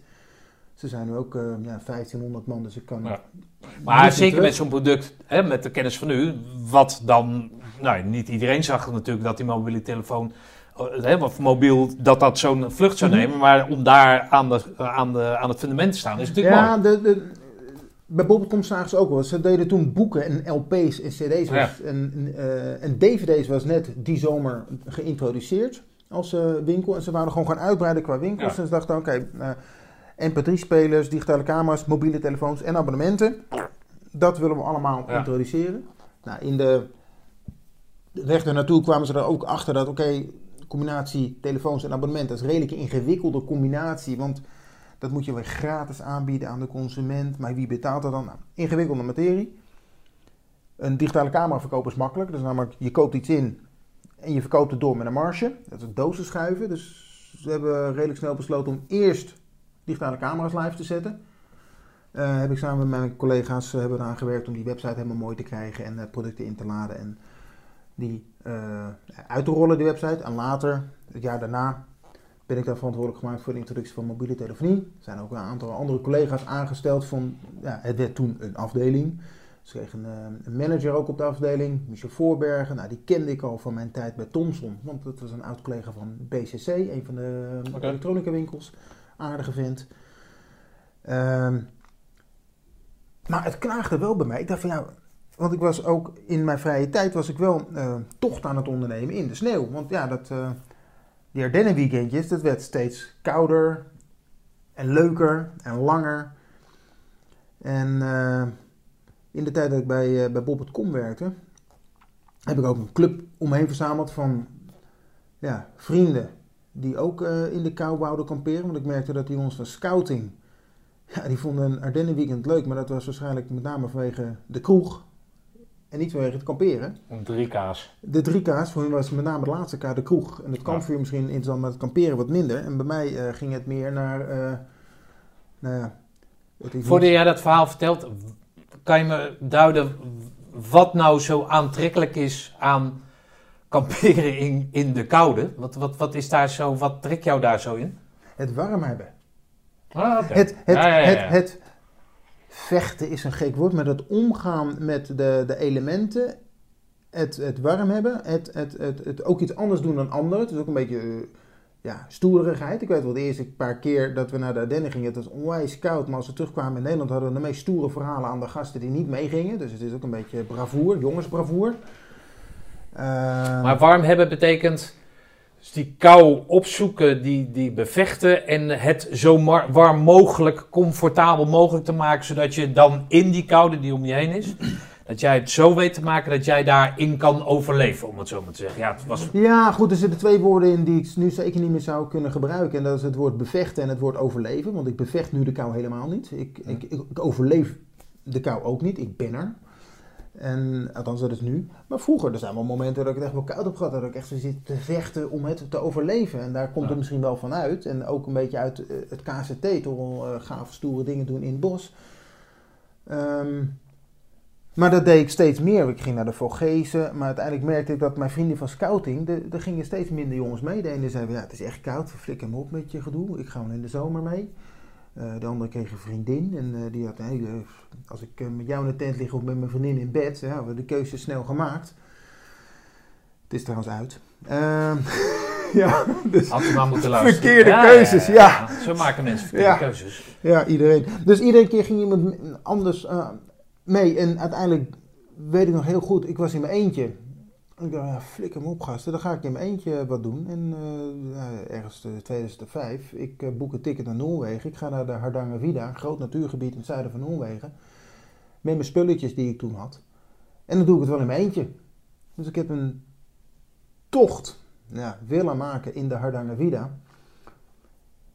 Ik plan dat in Nederland. Ik denk, nou ja, 15 kilometer per dag, dat is te doen. Dan kan ik binnen een week dat hele gebied doorsteken. Het is 100 kilometer. Ik had eh, in boeken gelezen dat je dan een, slee moest hebben. Want dat deden ze bij de expedities voor de grote jongens ook. Dus ik ging naar de Bart Smit en ik kocht zo'n klein sleetje waarbij je normaal gesproken de helling afroetst. Heb ik een kap opgemaakt. De MacGyver zoals ik ben, heb ik daar een hele hoes opgemaakt. Ik denk, Ja. mooi, dan blijft alle spullen erin zitten. Ik had eh tourskis vanuit de bergen. Dat is een skis met een harde schoen waar de voorkant vast zit. En dan, eh, ja, dan kan je met vellen kan je onder je skis plakken, waardoor je wel grip hebt en dus vooruit kunt komen. Ik denk, van, nou prima, ik heb het eigenlijk best wel, best wel goed voor elkaar. En ik had eh, warme kleren. Ik ga naar de Hardangervidda. Ja, dat is een grote ellende. Wat? Het, eh, nou, 15 kilometer per dag, dat is echt veel te veel. Ehm, het terrein waar ik begon in het zuiden van de Hardangervidda, ik wil oversteken vanuit Haukelisetter naar Finse. Ehm, het terrein, de eerste twee dagen is het gewoon omhoog lopen, om de hoogtevlakte op te komen. Terwijl als ik aan de andere kant was begonnen, dan had je met de trein afgezet op het treinstation en zit je al in de hoogvlakte. Nee. Dus dat was echt niet ehm, slim.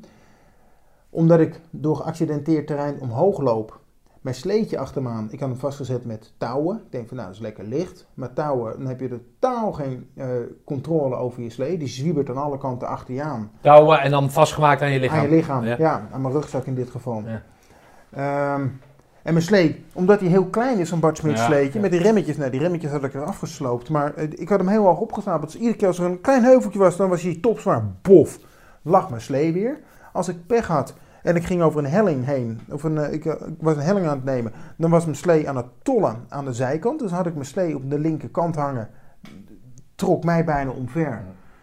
Kortom, je was blij dat je alleen was. Ah man, kut. Het was echt, Qua eh, marketing had het niet echt een... eh, Nee. had het niet echt Nee, dit was waardeloos. En, dan, eh, en dan, dan was ik nog aan het navigeren met kaarten kompas en mijn allereerste GPS, die ik, nou, beetje- er zat geen kaart op je GPS, zonder alleen maar coördinaten. Moest je dan weer terugwerken op je kaart om te kijken waar je zat. En eh, Maar toch was dat dus kennelijk zo leuk.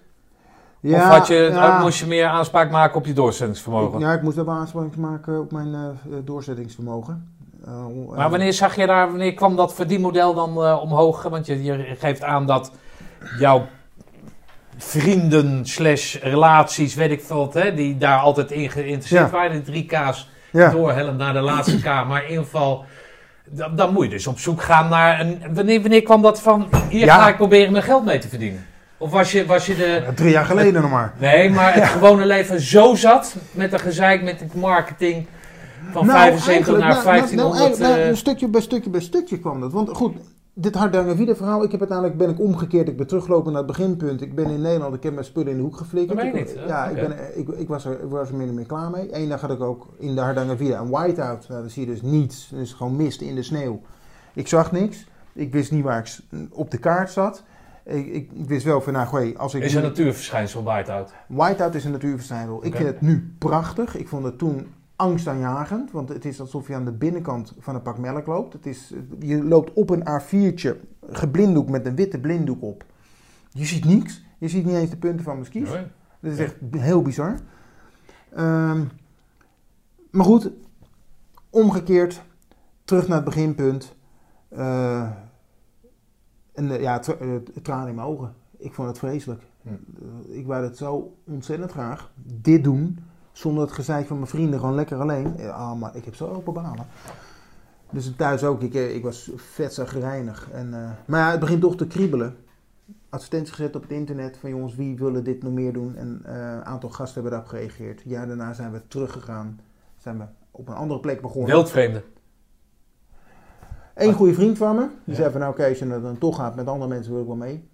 Een andere gozer van scouting, die voor die tijd nooit was mee geweest, maar wel mijn verhaal altijd hoorde. Zei van, ah Jan, als je een keer wat gaat doen, dan eh, wil ik wel een keertje mee.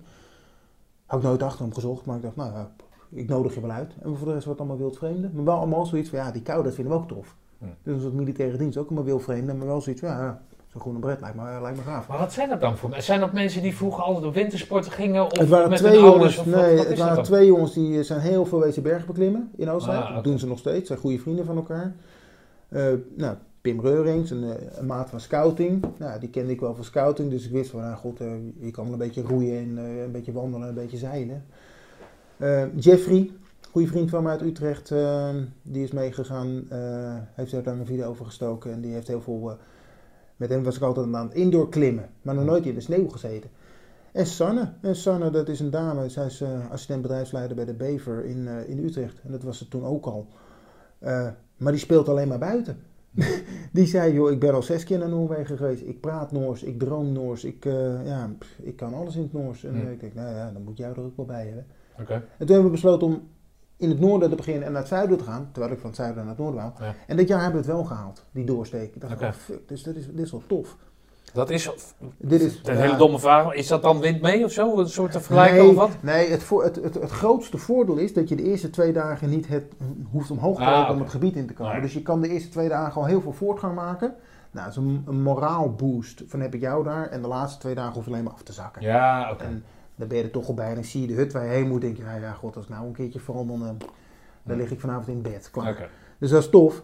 Maar bij die gasten heb ik gezegd, jongens, ik wil een keer Groenland oversteken.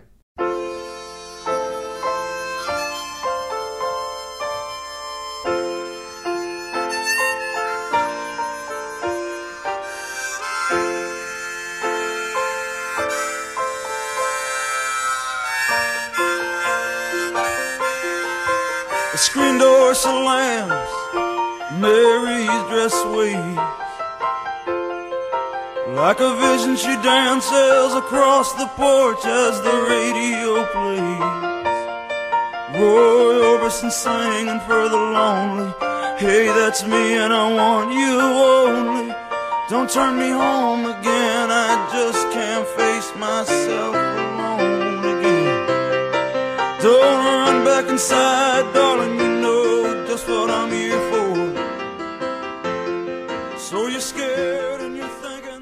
was in 2006. En toen keek ze me aan. Ik dacht, ja, jij bent gek. We hebben net daar een video over gestoken, dat is 100 kilometer. Dat doen we in een week. En eh, jij wil Groenland oversteken, dat is een serieuze onderneming. Dat is 600 kilometer, dat doe je een maand. Maar over. schets eens voor, voor de leeks als ik ben Ja. en de leek die wellicht eh, onder de luisteraars is. Wat, wat is Groenland en waar staat Ja, dat in de, ja, in Groenland, de, ja, in de Groenland- Is dat de Champions League van oversteken of zo? Nee dat, is nee, dat is zeker de Champions League niet. In mijn perceptie is de Champions League, is dat, eh, of nou, de, de Holy Grail is in mijn perceptie de Zuidpool bereiken. Eh, Groenland hoort wel bij de Champions League. Het is wel een van de heftigere tochten die je zou kunnen meemaken. Maar dan, waar land je dan en wat moet je dan overzetten? het Groenland steek je eigenlijk, Groenland is één groot eiland. Volledig bedekt met ijs. En op het dikste punt is het 2,5 kilometer dik aan ijs. Nou, de dikte maakt niet uit, want na een meter is het toch wit, dus eh, ijs is ijs. Ehm, en het is een ijsvlakte die eh, ter hoogte van de Poolcirkel, als je hem daar oversteekt, dan is hij 600 kilometer breed. Van de west naar de oostkust, of de andere kant op. Alleen maar ijs. Alleen maar ijs. Het begin is het eh, wat eindmorene van een gletsjer. Dus dan is het nog wel wat heuvelachtig, eh, rotsachtig. Maar dat ebt uit en na een dag of drie nadat je door die eindmorene heen bent ge, ja, gemeanderd, genavigeerd, eh, gestruikeld, kom je op een vlakker gedeelte. Wat, het is glooiend vlak. Je merkt niet dat het omhoog of naar beneden gaat. Het is een, een paar meter omhoog, een paar meter naar beneden. Het, het glooit. Alsof je door een woestijn heen eh, loopt van sneeuw. Overal waar je ziet is het wit. En, en het- ja, fantastisch. Nee, je kijkt er heel serieus bij, dus ik denk dat hij zal het wel fijn vinden. Ja, ik vind het, ik, oh man, dat is echt de mooiste plek ter wereld. Is Ja. echt, ja, Nee, we gaan eens even met de fan, want daarna heb ik nog wel een En, vraag, dan, en, uiteraard. en, en aan het eind heb je eh, wel gletsjerspleten en dan zie je wel eh, weer eh, stenen en bergen. En dan zie je ook als je dicht bij het eind komt, zie je de, de, Noor- de, de Atlantische Oceaan, is dat geloof ik, of de Noordzee, geval water. Atlantische Oceaan. Met ijsbergen erin. En ik heb, ik geloof in rond 96 heb ik een keer de, de expeditie van Ronald Naar gezien. De, K, de 7-Up K2 expeditie. Ja. Dat was van Ronald Naar. Dat was op televisie. Er zijn boeken over verschenen. En daar is bij mij een beetje het zaadje geplant. Ik dacht van, wow, dat is vet. Op televisie en een berg beklimmen. En, en nou, eh, in de spotlight. Dat vond ik wel, wel, wel eh, tof. Nou, dat wil ik ook een keer. ja, bij, ik heb op En- het Jordan Lyceum gezeten in Zeist. Ja? En daar liep hij stage als Ja. eh, leraar. Ja. Dus ja, Ja, dat, ja, ja. ja, Zijs komt wel bekend voor met Ronald Naar. Ja. Dus ik dacht van ja, fuck, dat, dat, dat wil ik ook een keer. Dat lijkt me tof. Hm. En dat heb ik die gasten voorgesteld. Ik van jongens, en dat was 2006. Ik heb jongens, ik wil Groenland oversteken. Gaan jullie volgend jaar mee? En Maar ik- daarnaast had jij nog gewoon een baan, hè? Of- ja, ik of- werkte, dus- ik werkte dus- bij Bol.com. Ja, ik oké. En daar tot de, gewoon, Meer dit was puur en alleen hobby. Ja, dit was puur en alleen hobby. Ik werkte meer dan fulltime bij Bol.com. Ik zat echt, eh, lange dagen, maar het was net zo tof als Thomson. Dat was echt tof. Ja, oké. Maar, maar, maar als jij dat dan over En- 600 kilometer hebt, Ja. dan moet je een lange vakantie hebben. Of doe je Ja, 100, 100 ja. kilometer per dag of zo? Nee, nee, zeker niet. Je, je, de, overtocht duurt een maand. eh, een week om daar op de ijskap te komen en voor te bereiden. Een week om er eventueel af te komen met slecht weer. Dus ik moest echt wel anderhalve maand moest ik vrij nemen. Dus ik heb dat overlegd ook met Ja, maar dan, dan moet je dus niet alleen overleggen met je werk, maar ook met Ingrid. En je hebt een zoon dan, hè? Want die is dan... Die was eh, net geboren. Dus we ja. hebben ook in de planning van de zwangerschap... hebben we wel met elkaar overlegd van... Ja, Jan, ik weet dat je die droom hebt. Maar we willen ook wat hebben hier thuis. We willen een kindje. Ehm, dus als ik nu zwanger ben, word binnen nu en twee maanden, dan is het oké. want dan is die jongen, op het moment dat je vertrekt, is hij een half jaar. Nou ja, dat is te doen. Maar als we later zwanger worden, ja. Dus dat was plannen. Nou, dat ging goed. In januari, december werd Ingrid eh, zwanger. En in september is Björn geboren.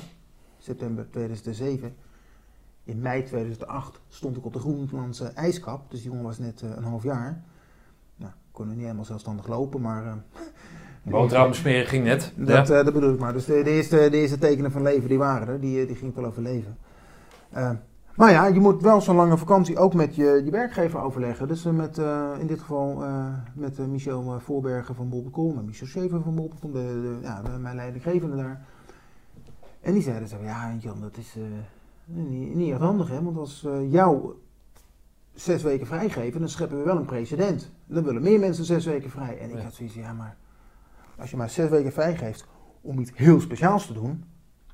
En je zegt in je voorwaarden van je mag zes weken vrij, mits je de Groenlandse ijskap oversteekt. Dan weet ik zeker, de komende 100 jaar ben ik de enige bij Bob.com die zo'n stomme vakantie opneemt.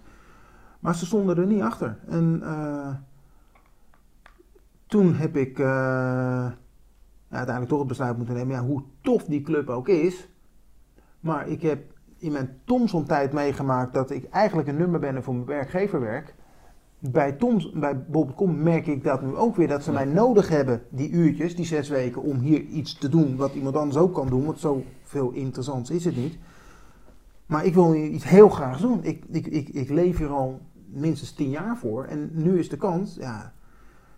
En ehm, ja, toen... Maar toen- ja, dat- nu, is de, nu is de kans klinkt alsof, alsof jij zeg Nou maar, ja, weet nu- dat het nu- de wereld over twee nee, eh, jaar nee, dat niet. Maar nu heb ik een, een club van mensen om me heen verzameld. Met vrienden van scouting, die wouden niet meer.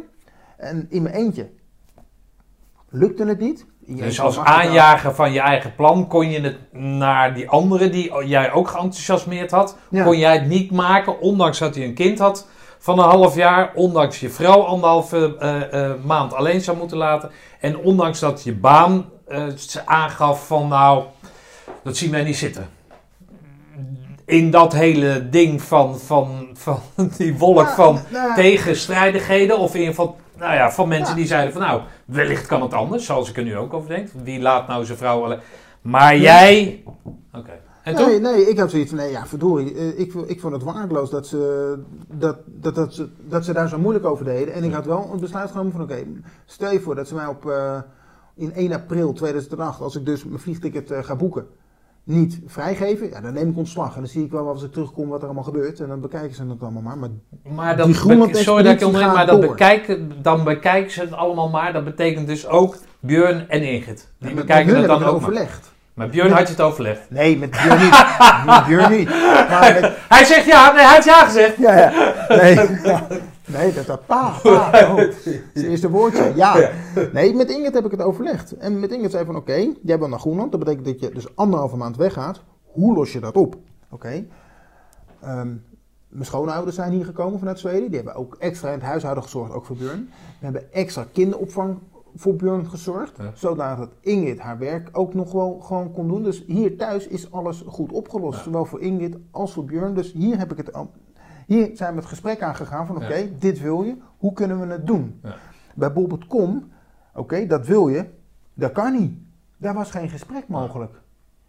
Maar zij, hij, En- zij zijn toch, ondanks je er werk voor verricht, toch wel de sponsor, omdat je elke maand geld gestort krijgt. Dus dat breng je dan Ja, direct in gevaar, maar toch? ze moeten, ja oké, maar ja. Maar daar was Ingrid ook wel- eh mee. Ja, ik heb ook wel eens tegen Ingrid gezegd. Ingrid is ehm, afgestudeerd jurist. Ze heeft in Nederland heeft ze wat banen gehad en uiteindelijk wil, wou zij kok worden. Toen heb ik ook tegen Ingrid gezegd, ja, als je dat dan heel graag wil, dan moet je gewoon ontslag nemen. Dan moet je koksopleiding gaan doen. Dus ik heb Ingrid ook wel een keer ondersteund ehm, in het nemen van ontslag. En ze werkte toen bij British Telecom. eh, nou, zeer goed eh, verdienend. Dat was best wel een dat- dat betaalde de hypotheekje wel. En dan ga je naar stage lopen in een keuken omdat je wil weten hoe je moet koken. Ja. Nou, dat weet je heel goed, maar omdat je wil weten hoe zo'n- keuken reilt en zeilt, ja, dan ga je op, eh, val je opeens naar een inkomen van nul. Dus zo ondersteunen we elkaar Ja, wel. ja, oké. Nou, dat is mooi toch? Dus zij heeft mij wel ondersteund van, nou ja, als jij Groenland wil, dan moet je dat echt wel gaan doen. En dan mits goed geregeld. En dus ook qua kindplanning kwam dat godzijdank goed uit. Maar ook als het die zoon er dan is, Björn, ehm, hoe doe je dat dan met, met opvang en, en dat soort zaken? Nou, dat is geregeld. Alleen met mijn werkgever kon dat het gesprek dus niet goed voeren.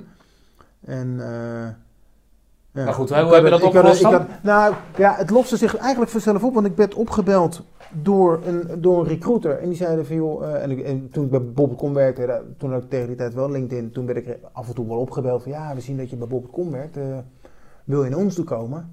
Bob.com was wel een partij die dus aangeschreven stond. En eh, die zei van, nou ja, we hebben een, eh, een baan voor je bij Vergelijk.nl. Dat is een, eh, een bedrijf dat prijzen vergelijkt, een website. En hier in Utrecht zou je daar op gesprek willen komen. Dus ik vent, ja dat is goed, maar in april en mei ben ik er niet. En dit was ergens in- september. Ja oké, dat is geen probleem, zei die vent. Zo wel. Dus ik ben op gesprek gegaan en ik heb tegen mijn eerste, mijn eerste gesprek gezegd van ja ons allemaal tof, ik wil die baan best doen, maar dan ben ik er niet. Nou, waarom niet? Ja, dan ga ik op expeditie. Ja, dat is stom, weet je wel hoe koud het is? Ja, interesseert me niet, dan ben ik er niet. Ja, dat is mijn reden, maar dan ben ik er niet. Dus je mag me aannemen, maar dan wil ik in mijn contract hebben staan dat ik er dan niet ben en dat ik er daarna weer terug kan komen. Ja, oké, uiteindelijk hebben ze dat in mijn contract gezet. Toen ben ik naar mijn werk, naar Bob.com toe gelopen. Ik zei, jongens, ik, ik neem een slag, ik ga daar werken. Want daar kan ik wel anderhalf eh, anderhalve maand. Maar wat zei bol.com toen? Ja, jammer, maar ja. Ah, oké. Dus ze, ze deden geen vermoede poging om weer terug te krijgen, maar je bent toch de beste. Nee, nee. Weet ik ben- ben- dus daar werd weer bewezen van wat je ook had gedaan, je bleef toch een nummer en je was Ja, vervangbaar. ja, ja. Dus dat, dat eh, is dan moest- aardig om te weten dat dat voor- een tweede malen jou wordt bewezen. Ja, Ah, Oké. Ja, dat wel. En ik heb ook heel uitgebreide overdrachtsdocumenten lopen schrijven. Van oké, zo werkt dit, zo werkt dat, en zo doe ik zus en zo werk ik zo. Overhandigd naar mijn, eh, naar mijn manager. En ehm dat staan we nog heel goed bij. We hadden toen een winkel voor consumentenelektronica. Dus eh, camera's, radio's, televisies, dat soort dingen. En een winkel voor mobiele telefoons, inclusief abonnementen. En dat is een best een ingewikkelde materie. Ik kan me dat niet herinneren, was een soort kijkshop-achtig ding dan of zo. Ja, nou, het is een beetje de winkel zoals die nu ook is. Je kunt er nog steeds televisies kopen. Oh, ik kom nooit bij bol.com. Oh, oké. Nou. Wat gewoon, gewoon fysieke winkels waren. Nee, nee, nee, nee. Online. online. Oh, Online. maar, maar toen had je wel fysieke winkels. Nee, nee. Oh, Online. was alles ja, online? nee, de winkel, ik noem de winkel, is de website. Oh, oké. website. Nee, ja, Ja, ja, ja. kijkshop is Nee. natuurlijk gewoon een echte, echte winkel was nee, het toen. nee, nee, dat nee, allemaal de website. Allemaal de website. Ja, dus je kon via de website camera's kopen. Ja, via de website mp3-spelers Ja, en ja, allemaal ja. van dat soort grappen. En daarnaast kon je ook nog, via de website, telefoons kopen, los.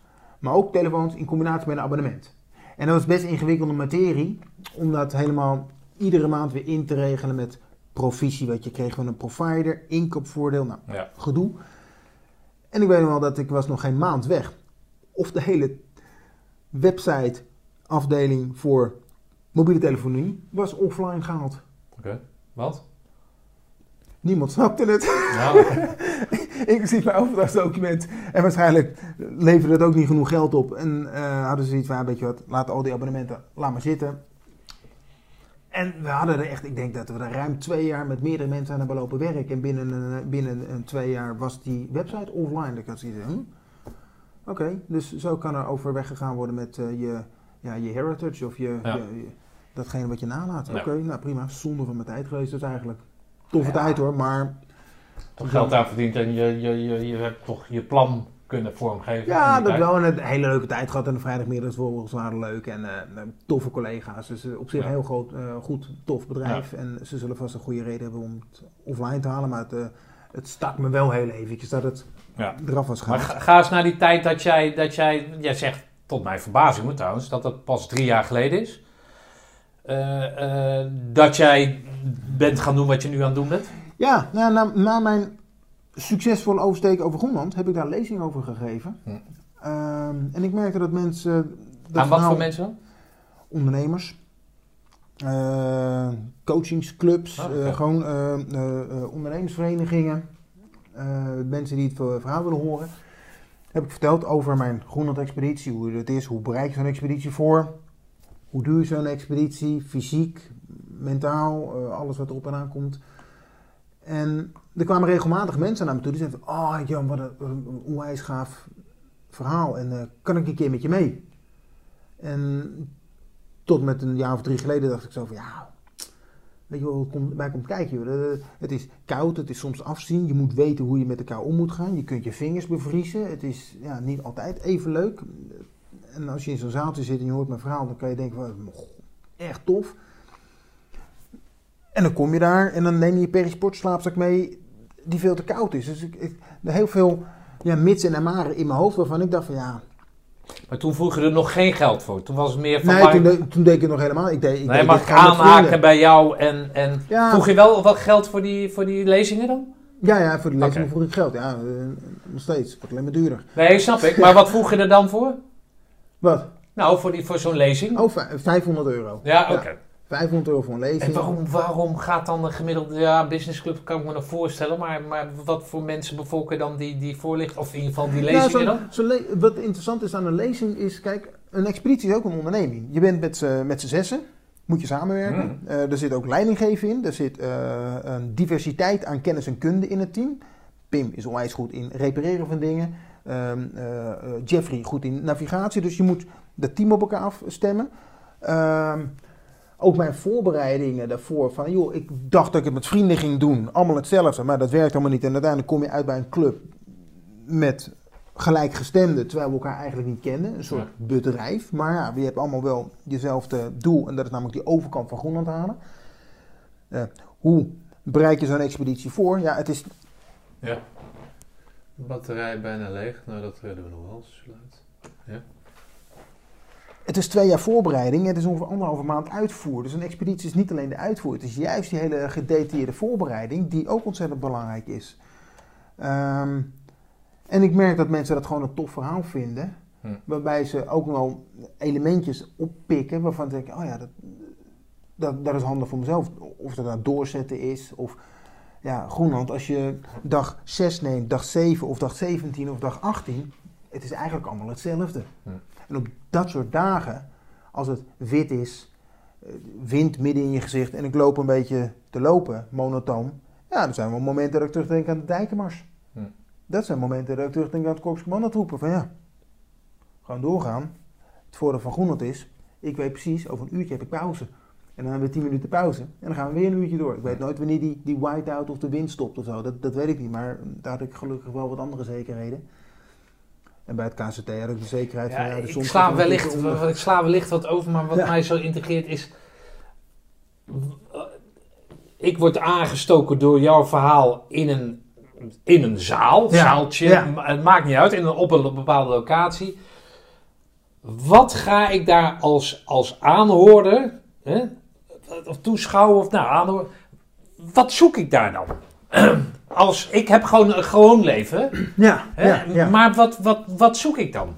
Als jij zegt zo'n whiteout, dat is geweldig. De koude niet bevechten, maar allemaal prima. Maar wat zoeken mensen daar dan in?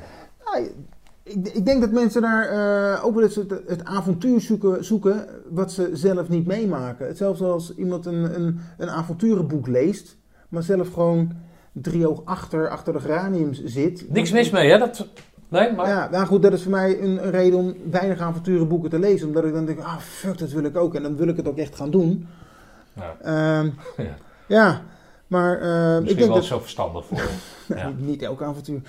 Ehm, ik kan me voorstellen dat mensen het tof vinden om dat verhaal te horen. Ik, een verhaal van een bijna doodervaring. En eh, dat ik bijna in een ravijn flikker. Nou, ja, dat is tof om daarnaar te luisteren en om die spanning opgebouwd te krijgen. Een soort sprookje. En eh, fijn dat je dan niet zelf de hoofdpersoon in dat sprookje bent.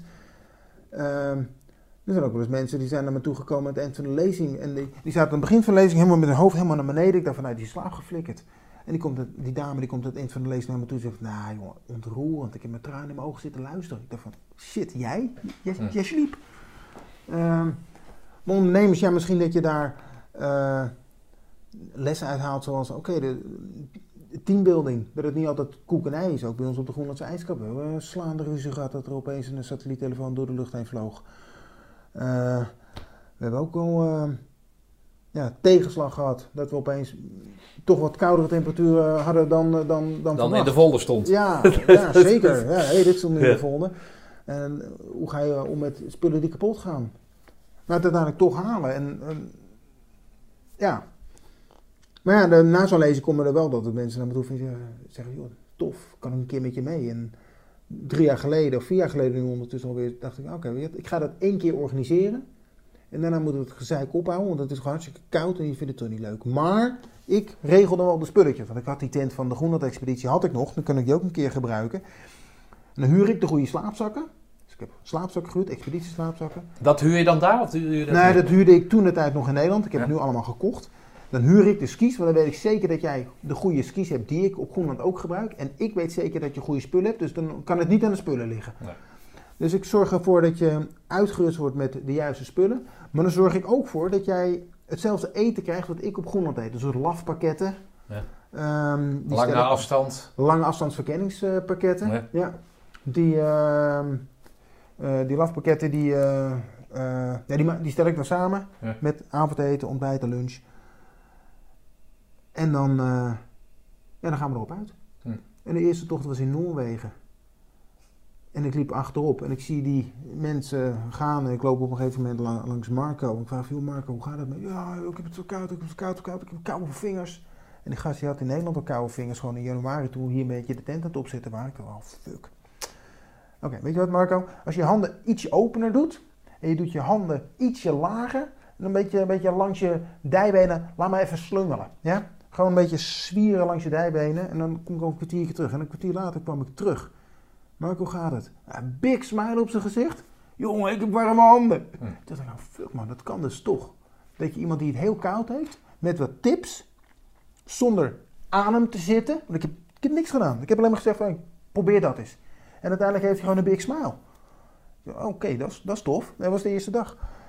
En eh, nou, zo gingen we door. En de derde dag komt Remco naast me. Remco die, die, die, ja, die bleef even achter en die komt naast me skiën en zegt... Johan Jan, ik moet even wat vertellen. Want in Nederland hè, dan ben ik eh, directeur van een groot IT-bedrijf. Ik heb 26 man personeel eh, rondlopen en ik ben ervan.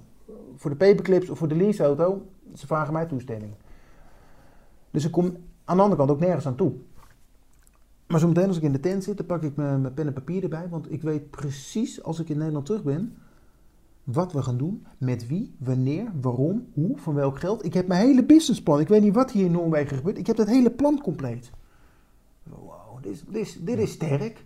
Je komt hier gewoon tot ideeën en gedachten en... Maar binnen, eh, eh, eh, is dat, is dat de, de, de, de, het, het doorzetten, wat, of het doorstompen wat, wat mensen niet kennen, waarin ze dan hun gedachten proberen te verzetten en dan bijvoorbeeld aan zo'n businessplan in hun hoofd gaan werken? Wat, kan je aangeven nee, wat dat dan... is, je gaat er niet aan denken. Want je, eh, een expeditie in de sneeuw is super saai. De hele dag lopen met je skis en je, je stokken, de hele dag dezelfde beweging. Als je die beweging door hebt, en dat is eigenlijk maar 100 meter al, dan zou je die beweging met je ogen dicht kunnen doen. Ja. Het is wit, dus er zijn in dit gebied waar we heen gingen geen bomen, er is geen wild. Oftewel, je ogen kunnen nergens afleiding zoeken. Als je hier door de stad heen loopt, ja, wandelen, je kan zo naar het station wandelen, maar als je ogen dicht doet, flik je tegen een auto aan. Dus er is altijd afleiding. Er is geen afleiding.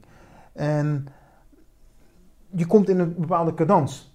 En als je dan ook nog een capuchon over je hoofd heen hebt en het waait een beetje, dus je zit goed lekker ingepakt in je eigen wereldje, dan komen er automatisch gedachten.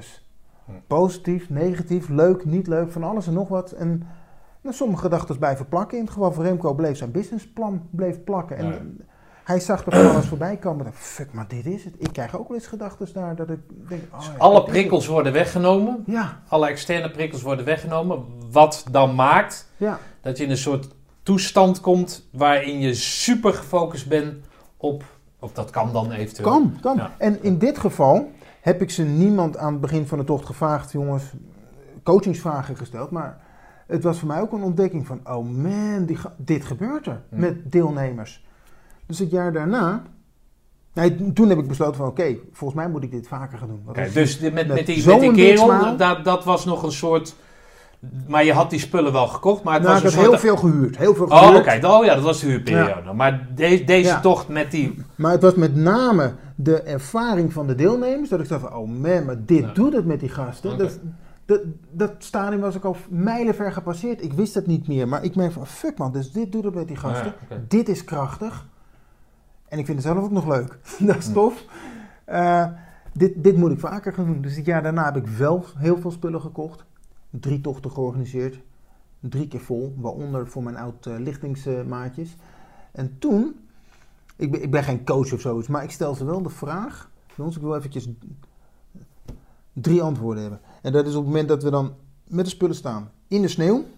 En dan vraag ik van, joh, wat is je energieniveau? Hoe voel je je? En eh, dan vraag ik ze twee andere vragen. Oké, wat houdt je nu nog weg van het moment dat je hier bent? Zijn het gedachten aan werk of thuis of zo? Maar dat vul ik niet in. Maar wat houdt je terug? En dan hoor ik vaak dat het gedachten zijn aan thuis, aan werk of andere dingen. En de laatste vraag is, waarom ben je hier? Je had net zo goed op een cruiseboot kunnen zitten, je had op je werk kunnen zitten, maar je hebt ervoor gekozen om in de fucking sneeuw te staan bij min 20. Waarom ben je hier? En dan komen er heel veel mooie verhalen. Noem het, noem eens eens. Een verhaal, oké, een, een verhaal, een man, toen ik de vraag stelde, moest je antwoord geven, hij barstte in tranen uit. Hij zei van, ja, dit is waarschijnlijk de laatste keer dat ik dit kan doen. Hm. Ik heb eh, heel veel eczeem op mijn armen en op mijn handen. Het doet overal pijn en ik wil dit zo graag. Dit is misschien de laatste keer dat ik het kan doen. Dat is de reden waarom ik hier ben. Nou, Hm. niemand hield het droog. Niemand. En hoe kwam hij dan bij jou? Eh, via Facebook. Hij Ja, zag een advertentie op Facebook, of een plaatje op Facebook van een mooi wit groot landschap met eh, zes mannetjes achter elkaar lopen. Dan moet je Dat- helemaal de tering, naar de tering gaan als, als je kloven en, en dat soort hebben en Hij kou. heeft pijn gehad. Ja. Dat, is niet, dat is niet te kort. Ik heb hem eh, zijn wonden zien verzorgen dat hij echt eh, vertrok. Ik zie die gasten bij de ETO en mezelf ook wel eens met, met, met, met je voetjes. Ik dacht van, fuck gast, jij hebt het, jij hebt het zwaar. En ja, en, maar ook gasten die zeggen, ja nee, ik moet gewoon even ru- rust van thuis. Even, ik, wil- ik wil er even uit. Maar, maar hem, jongen, we stonden allemaal met een brok in ons keel. Van, fuck man. En het, het toffe van die vraag, van waarom ben je hier, vind ik dat iedereen stelt zich individueel scherp. Van oké, maar dit is de reden waarom ik hier ben. Ik ben hier niet om stoer te doen voor een groep of om beide hand te doen of whatever. Maar dit is de reden. En dan gaan ze die hele week onbewust wel in met een extra laag, met een extra lading. Ja, dat vind ik te gek. Maar alvorens daar te staan, heb je ook bijeenkomsten met de groep Ja. waar... Ja. En dan is dat ook, ook checken waarom, de, of de beweegredenen. Nee, niet, niet, niet zozeer. Niet zozeer. Dan Ja, is het meer, natuurlijk, we vragen gewoon een beetje, maar dat is de eerste keer dat je elkaar treft en dan zeg je, joh, waarom heb je ingeschreven? Ja, het lijkt me leuk. Of, eh, maar ik merk nou dat eh, op het moment dat je daar staat in de sneeuw, in de werkelijkheid, dat er dan een, eh, een meer emotionele, een meer persoonlijkere reden komt. En sommige gasten, er is ook een gast eh, die zegt van ja, ik heb vorig heb ik eh, de Ibers Highland Trail gelopen, ik ga nu dit doen. Wat is, wat is dat? Ja, dat is een, eh, wandeltocht in, in Schotland. Ah. Nou, dus, eh, en dat is prima. Die zegt van ja, ik doe, ieder jaar doe ik een tocht en dit jaar is de Ja, tocht. maar is, is het vergelijk te maken... nee, niet dat ik daar op zoek ben hoor, maar... ehm, moet je ook samenwerken binnen zo'n Pool-ding of zo'n zo'n zo'n Groenland-ding als in bijvoorbeeld in de ECO? Of kan je het ook... Oh, jij loopt achter elkaar, denk ik, hè? Ja. Of ben je eigenlijk alleen maar puur individualistisch bezig? Nou, bij mijn tochten in eh, Noorwegen, Zweden, tuurlijk, je, kun, je kan je de hele week afzijdig houden. Maar aangezien de clubs, de groepjes, die zijn maximaal acht personen. Ik ben nummer acht en er zijn er zeven deelnemers. Merk ik, ook omdat we s'avonds eigenlijk maar in twee tenten slapen, in het pre-corona-tijdperk, nu doe ik het ietsje meer, dan wordt het wel één team. Als je met twintig man naar buiten gaat, ja, dan kan je zeggen, nou, die gast vind ik niks, ik hou me afzijdig. Maar met, met acht kan dat niet. En de reden voor mij om acht te kiezen is ook omdat goede expeditieteams, die, dat zijn gewoon kleine clubs. En dat zie je Ja. ook bij eh, de 100, 408, dat zijn gewoon teams van acht man. Ja. Dan, dan weet je precies waar wie zit en wie wat is. Maar is het dan zo dat, dat ehm, als er zeg maar in de aanloop naar, hè, dus de, de begin, begin eh, eh, introductie aan elkaar, naar elkaar toe, dat er dan ook mensen zijn waarvan jij zegt van nou sorry, maar ik denk niet dat het gaat werken binnen de club? Ik heb het, nee, ik heb het, ehm, ja, ik heb het één keer meegemaakt waarvan ik dacht van, nou, een hele vreemde in de bijt. En die persoon heeft zelf in Zweden toen ook eh, besloten na drie dagen van, joh, dit is eigenlijk helemaal niks voor mij. Ik ga terug naar het hotel, in het beginpunt. Ehm, en ik word er zelf ook wel wat, wat scherper op en wat, wat, eh, ik krijg er meer ervaring in. Ehm, ik heb maar ging nooit... het zelfstandig terug dan, drie dagen lang? Nee, met de taxi. Met Oh, de taxi. Nou, met de taxi. Oh, ze hebben ja, wel, nee, Groenland wel een taxi. Nee, dit was Zweden. dit was Zweden. Ja, dit is geen Groenland. Dit is, dit is, dit is, Zweden is gewoon een soort vakantie geweest. Gewoon een tocht Ja, waarop je kunt inschrijven. Nee, dit, dit is Zweden geweest. En zij, we hebben voor haar een taxi gebeld. We hebben gewacht tot de taxi er was. En uiteindelijk is zij met die taxi Ja, naar het hotel toe gegaan. Dus nee, veiligheid eh, gaat echt wel voor alles. Ehm, en ik merk dat de mensen die zich voor dit soort nou, toch extreme tochten inschrijven... Het zijn geen couch potatoes. Het zijn wel... Geen? Nee. Wat? Couch potatoes, mensen die alleen maar op de bank zitten. Oh, en, eh, oh, ja, en chips oké, zitten ja. te eten, en bier zitten te drinken, en Netflix zitten te, te kijken. Dat, eh, nee, die zijn er niet. Er zijn wel Ja. mannen en vrouwen. Ik denk dat er een derde vrouw is wat zich eh, aanmeldt voor mijn tochten. Eh, die redelijk sportief zijn en die in hun hoofd het avontuur aan willen. Ja. Hey, even laatste vraag voordat we de telefoon gaan opladen. Ehm, wat nou als het. Even, we hebben het gehad over de Kamp van Koningsbrugge. Ja. Veel, veel Ja. besproken iets eh, binnen de podcast, of mijn podcast in ieder geval. Maar ehm, eh, eh, daarin werd aan kandidaten gevraagd. En dat is natuurlijk ook het, hoe ze het programma natuurlijk opbouwen. Ja. Maar waarom zou jij, hè, en dan in de burgerkleding, nou, ik ben een ontzettende doorzetter. voor mij geen berg te hoog. Ehm, om de vergelijking te maken met, met hè, dus je komt in een zaaltje, je gaat voorlichten en eh goh, ja, ik wil terug naar mezelf. als je nou iemand in, maar dan puur op fysieke gronden, Ja. hè, het, de, de boel ophoudt of, of hoe, hoe, hoe acteren jullie dan? Er zijn verschillende manieren. In eerste instantie is het met de club oplossen. Dat iedereen heeft zijn eigen slee met erin zijn eigen bagage. Dus als, je het, eh, als de slee te zwaar is, en dat hebben we meegemaakt, dan wordt dat verdeeld over anderen.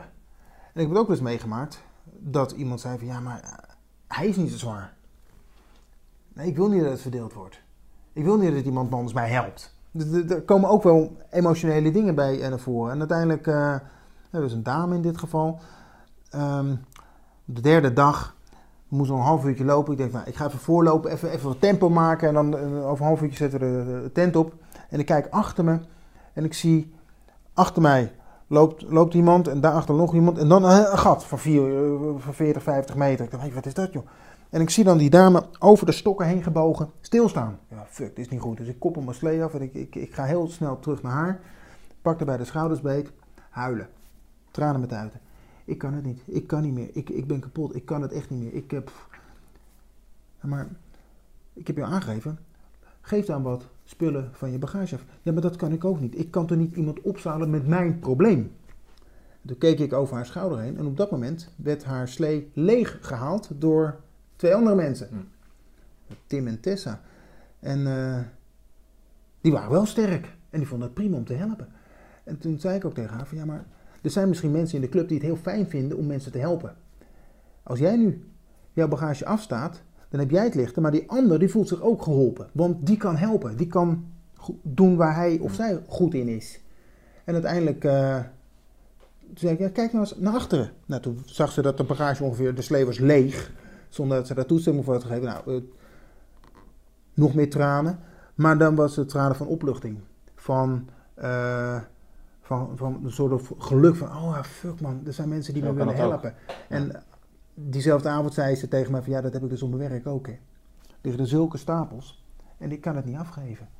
En tegenwoordig geeft ze net even wat meer af, geloof ik. Ik spreek het nog wel eens. En dat, dat vind ik wel tof, dat we het in die club wel proberen op te lossen. Ja. En ja, helaas komt het ook voor dat het in de club niet opgelost kan worden. En dat gaat vaak dan om, eh, om lichamelijke redenen. Dat iemand Maar hoe, hoe doe je dat dan? Dan, dan, ja, dan, dan moeten we een, eh, een taxi bellen of een, Ja. eh, of een Maar sneeuwscooter hoe doe je dat in Groenland in godsnaam? Ja, in Groenland is een heel ander verhaal. Ik heb drie type expedities, namelijk eh, licht, gemiddeld en zwaar. Groenland is echt wel zwaar. Ja. Ehm, als ik met licht even begin. Ik neem altijd satelliettelefoon bij me. En de, de lichte expedities zijn altijd in semi-bewoond gebied. Dus binnen een uur kan er een sneeuwscooter zijn van de, van de reddingsdiensten. De middelste tochten, nou, dan kan die scooter er binnen een dag zijn. Dat is Zuid-Noorwegen bij wijze van spreken. Eh, maar ook dan bellen met een satelliettelefoon. En op Groenland, ik heb het zelf meegemaakt. Ik heb vorig jaar mijn enkel gebroken. Op Groenland, op dag 24 van de expeditie. Ik heb, eh, ben gevallen, mijn ski bleef eh, in de sneeuw steken en ik werd door mijn rug getrokken. Oké, redelijk, ja. En toen deed het heel veel pijn. En toen heb ik een, eh, met satelliettelefoon heb ik naar het Basecamp gebeld. In Frankrijk in dit geval. En die hebben gezorgd. In Frankrijk? Ja, ik, had, eh, ik was ingehuurd door een Frans bedrijf. Een Oh, oké. Een Frans-Belgisch Oh, bedrijf. En dat Basecamp van mij zat in Frankrijk. Dus ik belde op. En eh, werd opgenomen. Het was 8 uur s morgens. En ik zei van, nou, dit is aan de hand. Ik lig hier in heel veel pijn aan mijn enkel. Ik denk dat die gebroken is of iets anders, maar ik kan echt niet meer verder. Oké, en eh, zij hebben er gezorgd dat een helikopter zou komen. En 12 uur later is de helikopter gekomen. Dus om 6 uur was het ongeluk gebeurd. En om 6 uur s avonds eh, landde de, Hm. de helikopter voor mijn neus. Oké. En eh, ja, op dat soort momenten moet ik ook wel weer aan de ECO denken. Want ik, Ja, nee, dat snap ik. maar laatste vraag voor onze Ja, pauze. Nee, maar keur je mensen dan ook fysiek vooraf? Nee, het is geen keuring. Wat ik op mijn website zet is wel een, eh, een dringend advies. Ja. En per dit jaar heb ik wel van mensen boven de 55, die moeten een medische verklaring van de huisarts hebben dat ze dit soort dingen aankunnen. Dus ik ben geen, ik ben geen huisarts. Ja, Maar ik vraag wel, ook omdat ik ook wel dingen heb meegemaakt van mensen nou, boven de 55, dat ze om welke reden ook moeten afhaken. Dat is niet leuk voor mij, maar ook niet leuk voor de deelnemer. Dat je ergens voor inschrijft, er zo naartoe leeft en uiteindelijk moet afhaken. Ja. Dat, is, dat is gewoon kut. Dus schrijf je dan liever niet in, dan hoef je ook niet af te haken. Nee. Ik krijg wel weer een andere deelnemer die ik het naar de zin kan maken. Nee, Eh, goed, maar ik kan me voorstellen maar- als, als mensen dan tot bepaalde dingen geroerd worden. Ja. Dat je je ook niet laat afschepen. Maar ja, maar dan, dan neem je toch leuk eh, de lichte versie. Want dan kunnen we binnen een uur hebben een taxi. De- ja, jij wil Ja, natuurlijk ja. dat avontuur en je wil je uitdagen. Ja, En hoezo? Ik ben 54 en ik kan dat makkelijk aan. En ik heb ook eh, op honkbal gezeten, dus laat mij maar gaan. Ja, en, en, en en het gaat bij jou natuurlijk ook om geld. Hè? ja, natuurlijk gaat het ook om geld. Maar ik weet wel, er is best wel wat vraag naar. Dus als die niet gaat, dan gaat er een ander mee. Ja, ja, dus dat is niet de issue. Eh, Veiligheid voor alles. ja, Ja. En er zijn gasten, er zijn nu, eh, vorig jaar hebben twee gasten, eh, hebben de Noordpool overgestoken. Ja, die zitten dik in de 60. Ja, oude knarren, maar die kunnen het wel. En Ja. dat, en dat- ja, er zijn ook mensen van 30 die zeggen, ja, flikker me op, ik kan het echt niet. Ja, Ja. dus, het- Ja, ik snap het. We gaan even passeren.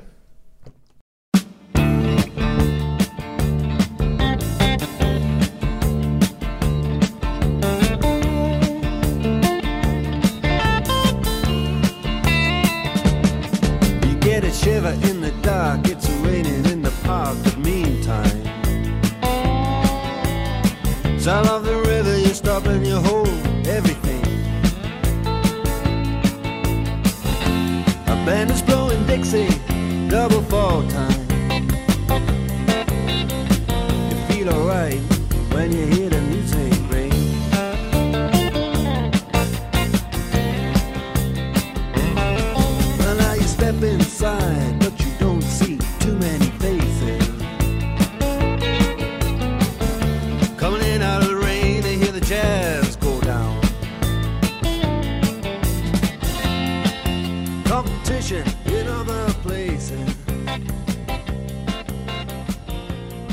Maar wat mij eh, fascineert is sowieso waarom mensen daar eh, zich aan, eh, aan aanmelden. Ik ben, ik kan, nou, ik kan wel tegen kou, maar ik, ik, nou, ik word er niet echt heel erg warm van. Je hebt me uitgelegd waarom mensen dat willen. Hè, waar, waar- hoe hoe, de, hoe de, de, de tunnel is als je daar, daar bent. Op dat, Ja. En waar dat nou is, Noorwegen of wat. Maar het is ontberingen. ga je opzoeken. ja. Jij geeft de tips. Waar ik naar op zoek ben is... eh, wat heeft jou zover gebracht? Of wanneer was het moment dat je eh, eh, daar volledig voor gekozen hebt? Om, daar, om, dat, om dat niet als een way of living maken. Dat had je namelijk al. Was de, alleen je had even de, nou, de, de, de, de omgeving zorgde dat je je geld kon verdienen. Zodat je Ja. kon starten. ja. Wanneer is het moment gekomen dat je daar fulltime mee bezig ging? Dus ook qua verdienst. Nou, ik denk na die eerste tocht in Noorwegen, die tocht waar Marco zijn handen warm kreeg, waarbij Remco zijn epiphany momenten kreeg. Ja. Toen ik in Nederland terug was, toen dacht ik van ja, fuck man, dit is zo tof. Dit, dit moet het gewoon gaan worden. En eh, toen heb ik wel besloten van oké, dan, dan ga ik dit ook doen ook. Het jaar daarna heb ik drie tochten georganiseerd. Maar toen Eh, was je nog bij de vergelijk.nl? Was je Nee, nog, nee, nee. toen Oh, uit- nee, nee, nee. Oh, of helemaal voor mezelf werken. Ik, eh, eigenlijk na mijn Groenland-expeditie. Ik kwam terug, Na die eerste Groenland. ja, na mijn eerste Groenland-expeditie. Ik kwam terug in 2008. Dus in dat mei. vergelijk.nl heeft nooit kennis met jou gemaakt? Jawel, dat heeft, eh, ik ben er in september begonnen, maar ze wisten dat ik in, in april weg zou gaan voor anderhalve maand. En daarna zou ik natuurlijk full force voor de komende 30 jaar bij hun gaan werken. Dat is niet zo gegaan. Ja. Ik ben na mijn Groenland-expeditie in 2008 ben ik eh, teruggekomen in Nederland. En ik zat op een soort van sporters high. Ik had ongeveer in mijn beleving een, een gouden medaille verdiend op de Olympische Spelen. Ik dacht van jeetje man, ik heb een expeditie succesvol afgerond met, eh, met vijf kornuiten. We zijn op televisie geweest met een vijfdelige serie bij de AVRO. Oh, is dat zo, ja? Ja, ja, de televisieserie Going North, nog steeds terug te kijken. Eh bij Ja, goed, dat maakt, het Ja. wel, dat maakt het in die beslissing wel wat makkelijker. Hè? Dat heb je niet verteld. Het- het- het- ik, heb, ik, ik heb een kledingsponsor, waar er nog meer sponsors. Oftewel, het hele plaatje zoals ik dat ooit voor ogen Oh, had, tof man. is, is uitgekomen. Van, ja, fuck, Had je dat allemaal zelf kan, Had je dat allemaal zelf aangevlogen? Weet ik, sponsors gezocht? Dat, dat die afro, hoe kwam je daaraan dan? Eh, de, de AVRO, nou, ik ben degene geweest binnen het team die zei van ja jongens, het lijkt me tof om een documentaire erover te maken. Ja. En die gasten van mij zeiden ja, eh, hoe dan, hoe, eh, moeilijk, kan niet, whatever. De- ik heb er een productieteam bij gevonden. En dat productieteam Die hebben een gesprek aangegaan met Avro. Dat heb ik niet verkocht, maar ik heb wel de productieteam gezocht. En gekeken van, joh, wie zijn dan goed om ons vast te leggen in de vijfdelige serie. Ik heb ineens nog wel de DVD liggen ervan. Maar toen ik terugkwam van het Groenland dacht ik, wow man, dit is zo gaaf. Ik kan gewoon mijn eigen project bedenken, het doen en het uitvoeren. Ja, Oké, maar dus En- dat de hele marketing, niet maar A, niet maar B, kwam helemaal... Een beetje samen. In, nou ja, dat kwam samen dus ja, inderdaad. ja, en toen ben ik, ehm, nou, ik, ja, binnen, ik kwam terug op, eh, bij vergelijk.nl en ik weet nog wel, ik, ik kwam 16 mei kwam ik terug.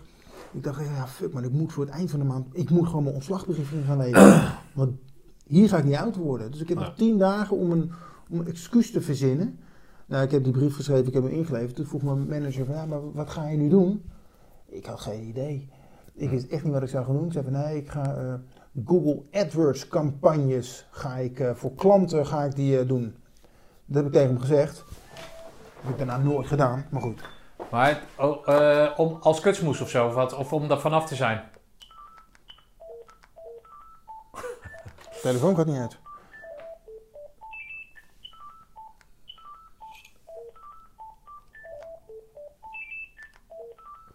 Ach ga joh, dat houdt Ja, vanzelf op. Eh, stopt zelf wel een keer, dus mijn telefoon die overgaat.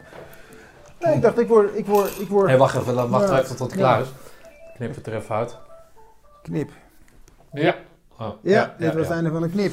Nee, dus, wat, wat, wat, dus jij hebt Nee, tegen hun gezegd ik- van, eh, ik ga dat en dat doen, maar wat niet... Nee, het was mei 2008. Het was echt, eh, het, het- ik verdiende goed, ik had goed spaargeld. Ik dacht van, nou weet je wat, ik kan gewoon lekker, eh, ik word zelfstandig ondernemer. Ehm, ik zei tegen mijn manager, van nou, ik ga AdWords campagnes plaatsen. ja, maar het interesseert mij Maar geen wat je tegen die manager. Wat zei je thuis tegen thuis dan? Hoe, hoe, hoe, hoe werkt dat dan? Ik, Ik weet, ik weet hoe het werkt, ik Oh, weet nou, hoe het bij jou werkt, wat, maar... Wat, wat, zei ik, wat, wat zei ik thuis? Ik zei thuis, joh Ingrid, eh, ik wil eh, zelfstandig ondernemer worden. Ik wil iets voor mezelf gaan doen. Oh ja, nou, nou, dat is goed. En ik ben heel lang zoekende geweest naar wat. En, ehm, Dat was nu duidelijk met de steun die jij haar in dat koksding eh, hebt gegeven, was ja, zij... Ja, zij was nou, kok geworden en ze zei van oké, als jij dan dat wil doen, dan ga je dat maar doen. En ik heb in de maand juni heb ik het filmproductiebedrijf gebeld, waarbij ik, eh, die mij gevolgd had op Groenland. Ik zei jongens, zou ik gewoon samen met jullie eh, filmproducties kunnen gaan Ja. maken? Ja, dus ja, dat is goed. Het was een tweepersoonsbedrijf, nou toen werd het een driepersoonsbedrijf. Oh. Ze zeiden, ja dat is goed, maar we verdienen helemaal niks. oh, terwijl ik dacht, ja, televisie, jongen, dat Ja. is, eh, iedereen rijdt- in een Lamborghini. Maar, ik heb de cijfers gezien, nee. Maar even zo dat ik onderweek, maar voor de... ehm, met dat Groenland liepen zij dus met jullie mee. Een gedeelte, de voorbereidingen, hebben zij gewoon zelf gefilmd. Ja? De eerste twee dagen van de expeditie gingen ze met ons mee met een sneeuwscooter. En daarna hebben we het allemaal zelf gefilmd. Oh, oké. Ja, ja, oké. Ja, daar hebben ze dan en een... aan het eind zijn ze wel weer geweest. Althans, de, ze, ze hebben ons niet opgehaald in het eind van Groenland. Want daar hadden ze geen geld voor. Eh, maar ze hebben in het Vondelpark in Amsterdam hebben ze wel exit Ja, ja, interviews met oké. ons gehouden en zo. En dat is super goed gemonteerd. Oké. En volgens mij is het zelfs nog eh, verkocht aan China Airlines als inline flight entertainment. Dus eh, Oké, lachen. super tof. Ja. Dus ik heb twee jaar lang samen met eh, DPI Film Productions hebben we met z'n drieën eigenlijk dat bedrijf gehad. Ja.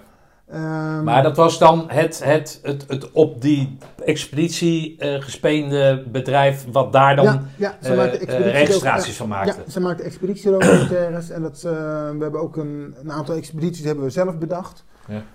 We hebben onder andere een Nederlander gevolgd die wereldkampioen is geworden in de hondensledensport. Rod- Roderick Glastra. Ik, ik kende die gozer, want ik heb een keer met hem meegetraind.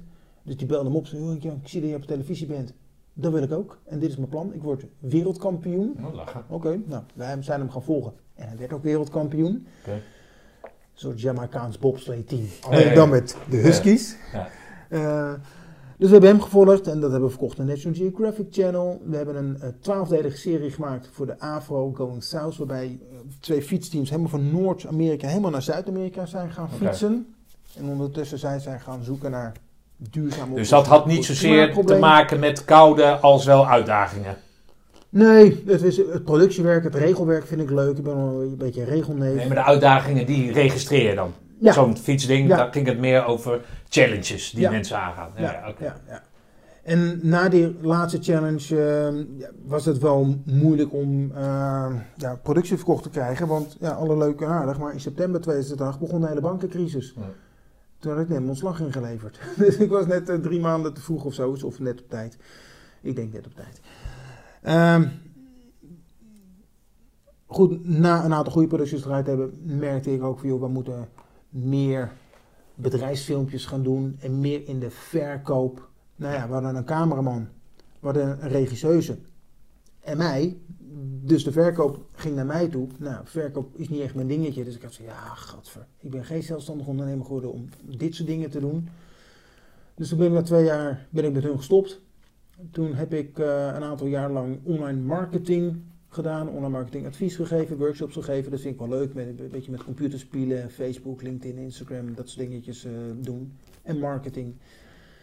Ehm, totdat dan die eerste tocht in Noorwegen kwam.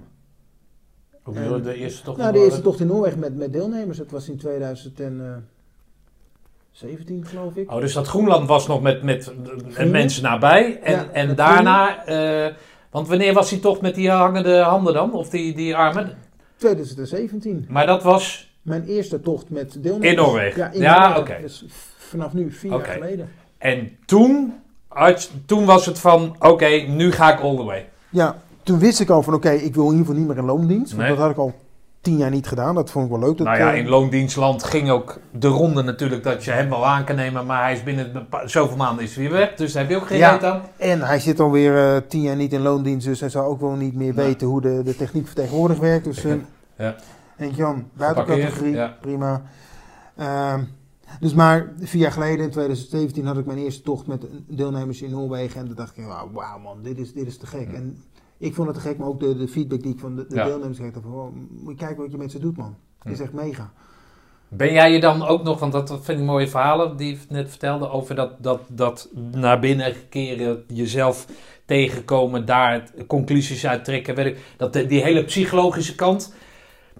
Jij begeleidt het en, en, en duwt het hier en daar, maar je bent niet echt een psycholoog geworden. Ja, ik ben niet daar de psycholoog, ik ben ook niet, niet de coach. Ik denk dat er mensen zijn die, dat, die daar heel goed in zijn. En ik wil de nadruk niet leggen op de coaching. Want als ik ga zeggen, jongens... Nee, het lijkt me ook kom- doodvermoeiend, maar Kom, kom, kom jezelf tegenkomen in de sneeuw. Of nou ja, als marketeer zijn dat toch de dingen die jij die af en toe natuurlijk Ja, ook wel eens af- boven af, komen. Af, en toe wel. Ik, ik, pla- ik, ik plaats wel speldenprikjes, maar Ja. ik vermarket mijn tochten niet als zijnde kom tot rust in de sneeuw. Want dan denk ik dat ik hem van die yoga-types Ja. eh, krijg. Niks ten nadele van yogatypes, wij houden van Ah, yogatypes. Ja. fantastisch, maar Ja. eh, ja, eh, niet in de sneeuw. Ehm, en ik vind het juist zo tof als ik gasten krijg en vrouwen krijg die er onbevangen in staan, die meegaan, misschien vanwege het avontuur, dat- beweegheden is voor iedereen anders, en dat ze dan in de sneeuw erachter komen van, oh ja, het is meer dan een avontuur. Want toen net vroeg ook van, ja, wat is dan de beweegreden voor mensen mee te gaan? Dan krijg je heel veel mensen aan de lijn, voordat ze besluiten om mee te gaan. En ik merk dat bij de mannen die ik aan de lijn krijg, gaat het vaak over hoe zwaar is mijn slee? Hoe koud is het? Hoe is het afzien? Hoeveel kilometer per dag leggen we af? Allemaal fysieke dingen. Hm. Nou, daar kan ik allemaal antwoord op geven. Bij de vrouwen is het vaak van, eh, ja, komen we andere mensen tegen? Is het echt rustig? Wie zit er nog meer in het eh, team? Hoe moet ik plassen? Eh, hoeveel ondergoed moet ik mee? Ehm, eh, ik kom hier wel voor mijn rust. Dus meer, meer de, de psychologische dingen. En Hm. oké, dus iedereen heeft dan eigenlijk een soort andere aanvaarroute richting die tocht. En op het moment dat ze daar in die tocht zitten, merk ik bij die mannen dat ze natuurlijk met het fysieke bezig zijn, maar er dan achter komen van, oh, maar het is best wel rustig. Ja. Ik kom best wel tot mezelf. Ik, ik ga best wel over dingen nadenken. En die vrouwen, die misschien voor de rust komen, komen erachter van, fuck man, dit is best wel pittig, dit is best wel tof. Dus daar wordt het meer één. Ja. En ja, dat, dat, dat vind ik wel gaaf, want je zit allemaal in hetzelfde schuitje daar. En natuurlijk beleef je niet, ieder beleeft het anders. En ik leg niet zozeer de nadruk op de, op de, op de coaching of op Nee, maar het- daar ben ik blij weet om. wel dat het gebeurt. Ja. Dus als iemand in huilen uitbarst, dan vind ik dat prachtig. Want ik weet dat dat kan en ik weet dat Ja. het gebeurt. En ik weet ook hoe mooi het is voor degene die dat op dat moment ervaart. Ja. Dat hij dat hier dus kan doen. Want het is, ik vind als iemand zegt van ja, dit is misschien de laatste tocht die ik ooit zou Ja, kunnen doen. En dat begint Is een heel mooi voorbeeld, maar dat lijkt me een heel extreem Het is voorbeeld. een super extreem voorbeeld Ja. aan het andere eind van het spectrum. En de meeste mannen en vrouwen zitten gewoon in van, Ja. ik, wil, ik heb eh, acht vakantiedagen en die ga ik echt super tof doorkomen. Maar ik denk dat het een beetje te vergelijken is, dat weet ik niet hoor, maar dat is dan een vraag. Ehm, als je bijvoorbeeld een televisieprogramma hebt als, als Robinson of zo, weet je wel, Mhm. dan zijn dat natuurlijk gelijkgestemde mensen, want anders zouden ze zich niet aanmelden. Mhm. Maar door zo'n productiemaatschappij worden er natuurlijk een aantal gekkies tussen gezet, Ja, zodat tuurlijk. het een beetje gaat schuren. Ja, ja. En, en in deze zou ik me kunnen voorstellen dat iedereen respect heeft voor de ander, om welke redenen dan ook zij aan deelnemen. En, en daar zit veel meer, er zit veel meer synergie in, Ja. in, die, in die ambitie dan, om je het hoeft elkaar ook niet weg te stemmen. Nee, precies. Nee, nee, Nee. Ja. Ja. Nee, ik merk ook wel, om, juist omdat het zo'n kleine club is en omdat we in een omgeving zitten waar je geen andere mensen ziet. Nou, je zit in het bos of in de bergen of in, in, in een landschap. Je doet het met z'n allen. De Ja. tent die is zodanig groot dat je het echt wel eventjes met z'n allen moet doen. Ja. Ehm, dus ja, je komt elkaar. en Natuurlijk, je blaren, die moet je zelf even afplakken. Of ik doe het voor je of een ander. Er zijn heel veel dingen waarbij je in je eentje bent. En als je naar het toilet gaat, ja, moet je zelf even dat koud in die, in die sneeuw graven. Maar heel veel dingen doe je ook met Ja. z'n achten. Dus aan het eind van de eerste dag, dan weet je ook wel wie die acht zijn. We hebben ook een WhatsApp groep voordat we op tocht gaan. Dus voor die tijd worden Ja, er ook wel dingen misschien besproken. Hey, wat, wat, wat eh, ja, een vraag, maar hoe, wat, wat betalen mensen ervoor? Hangt er een beetje vanaf met welke tocht je meegaat. Maar het is ongeveer vanaf 2000 euro, tussen de 2 en de 3000 euro liggen de tochten. Ja. Groenland, Zuidpool, Noordpool, dat is andere orde van grootte. Dat begint vanaf 10.000 euro. Expeditie Groenland tussen de 10 en de 20.000 euro. Maar dat wordt helemaal op maat gesneden en eh, ja. Expeditie Zuidpool 60.000 euro. Dat is totaal buiten categorie. Dat is echt, eh, totaal- maar een tocht in Noorwegen, Zweden, tussen de 2 en de 3000 euro. En daar krijg je eigenlijk alles voor. Ik regel je skis, je schoenen, je eten, je slaapzak, de tent, eh, de brand. Dus het enige wat je zelf moet regelen is je persoonlijke kleding.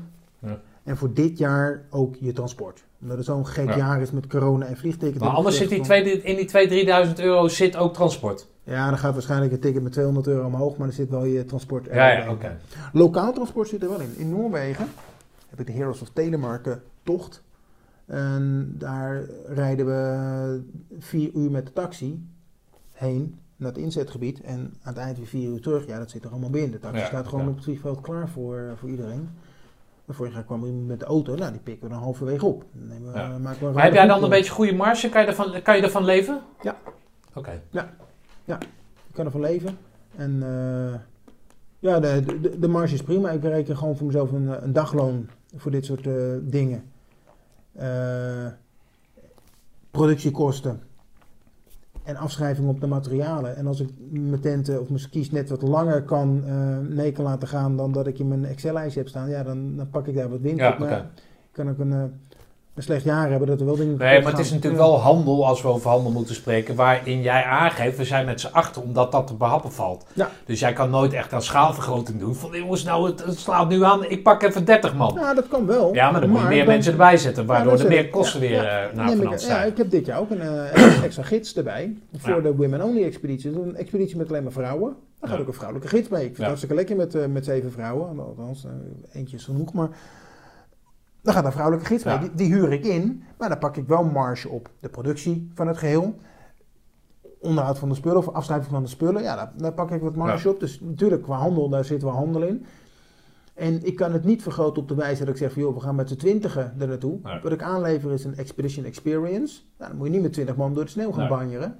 Maar ik kan wel één ploeg in Noorwegen en parallel een ploeg in Zweden. En parallel een ploeg in IJsland. Dus ik kan drie ploegen in dezelfde week draaien. Ja, oké, maar gaan men... Extra gidsen.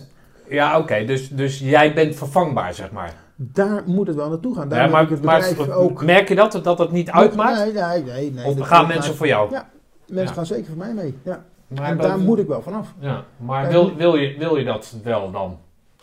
Ik wil daar vanaf. Nee, dat snap ik. Maar nou, laat ik hem anders stellen. Maar kan je er vanaf voor jezelf? Nog niet. Nog niet. Ah, oké. nee, nee. Ik heb wel bewust. Het eerste jaar heb ik het gemarket op de website henkjangeel.nl. Want toen wist ik het nog niet. Maar ik- mijn bedrijf heet nu Arctic Adventure. Nee. Dus het staat ook gewoon op arcticadventure.nl. Zodanig, je gaat niet mee met henkjangeel.nl. Je gaat met arcticadventure.nl weg. Nu ben ik wel vaak de persoon die ze het meeste zien. En dan hebben ze iets, hé, hey, tof, ik wil wel met Henk-Jan op pad. Uh, maar ook dat wil ik zodanig uitbreiden dat je, het moet niet uitmaken. Je moet met Arctic Adventure onwijs gaaf avontuur aan kunnen gaan. En dan zou, je, zou het eigenlijk zo moeten zijn, ja nou, ik ga liever met die gids op pad dan met Ja, Henk-Jan, bij uiteraard. wijze van spreken. Ja. Dat is een utopie misschien op dit moment. Ja. Want er zijn ook niet zo heel veel goede gidsen in Nederland die dit soort dingen... Dus dan zou jij als, als begeleiden. dan zou jij zeg maar een soort open sollicitatieprocedure moeten wegzetten ergens. Ja.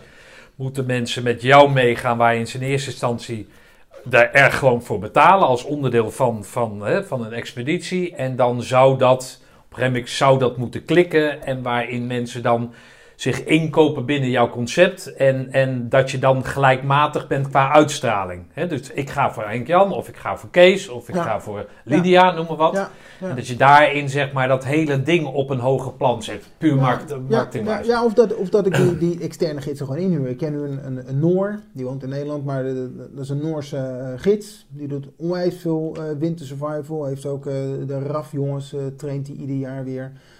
Ja, ja, dat zijn zulke mietjes. Ja dat zijn wel, maar goed, Ja. het zijn ook niet de meest extreme tochten die ik doe. Hè. maar hem zou ik zo kunnen inschakelen. Ja.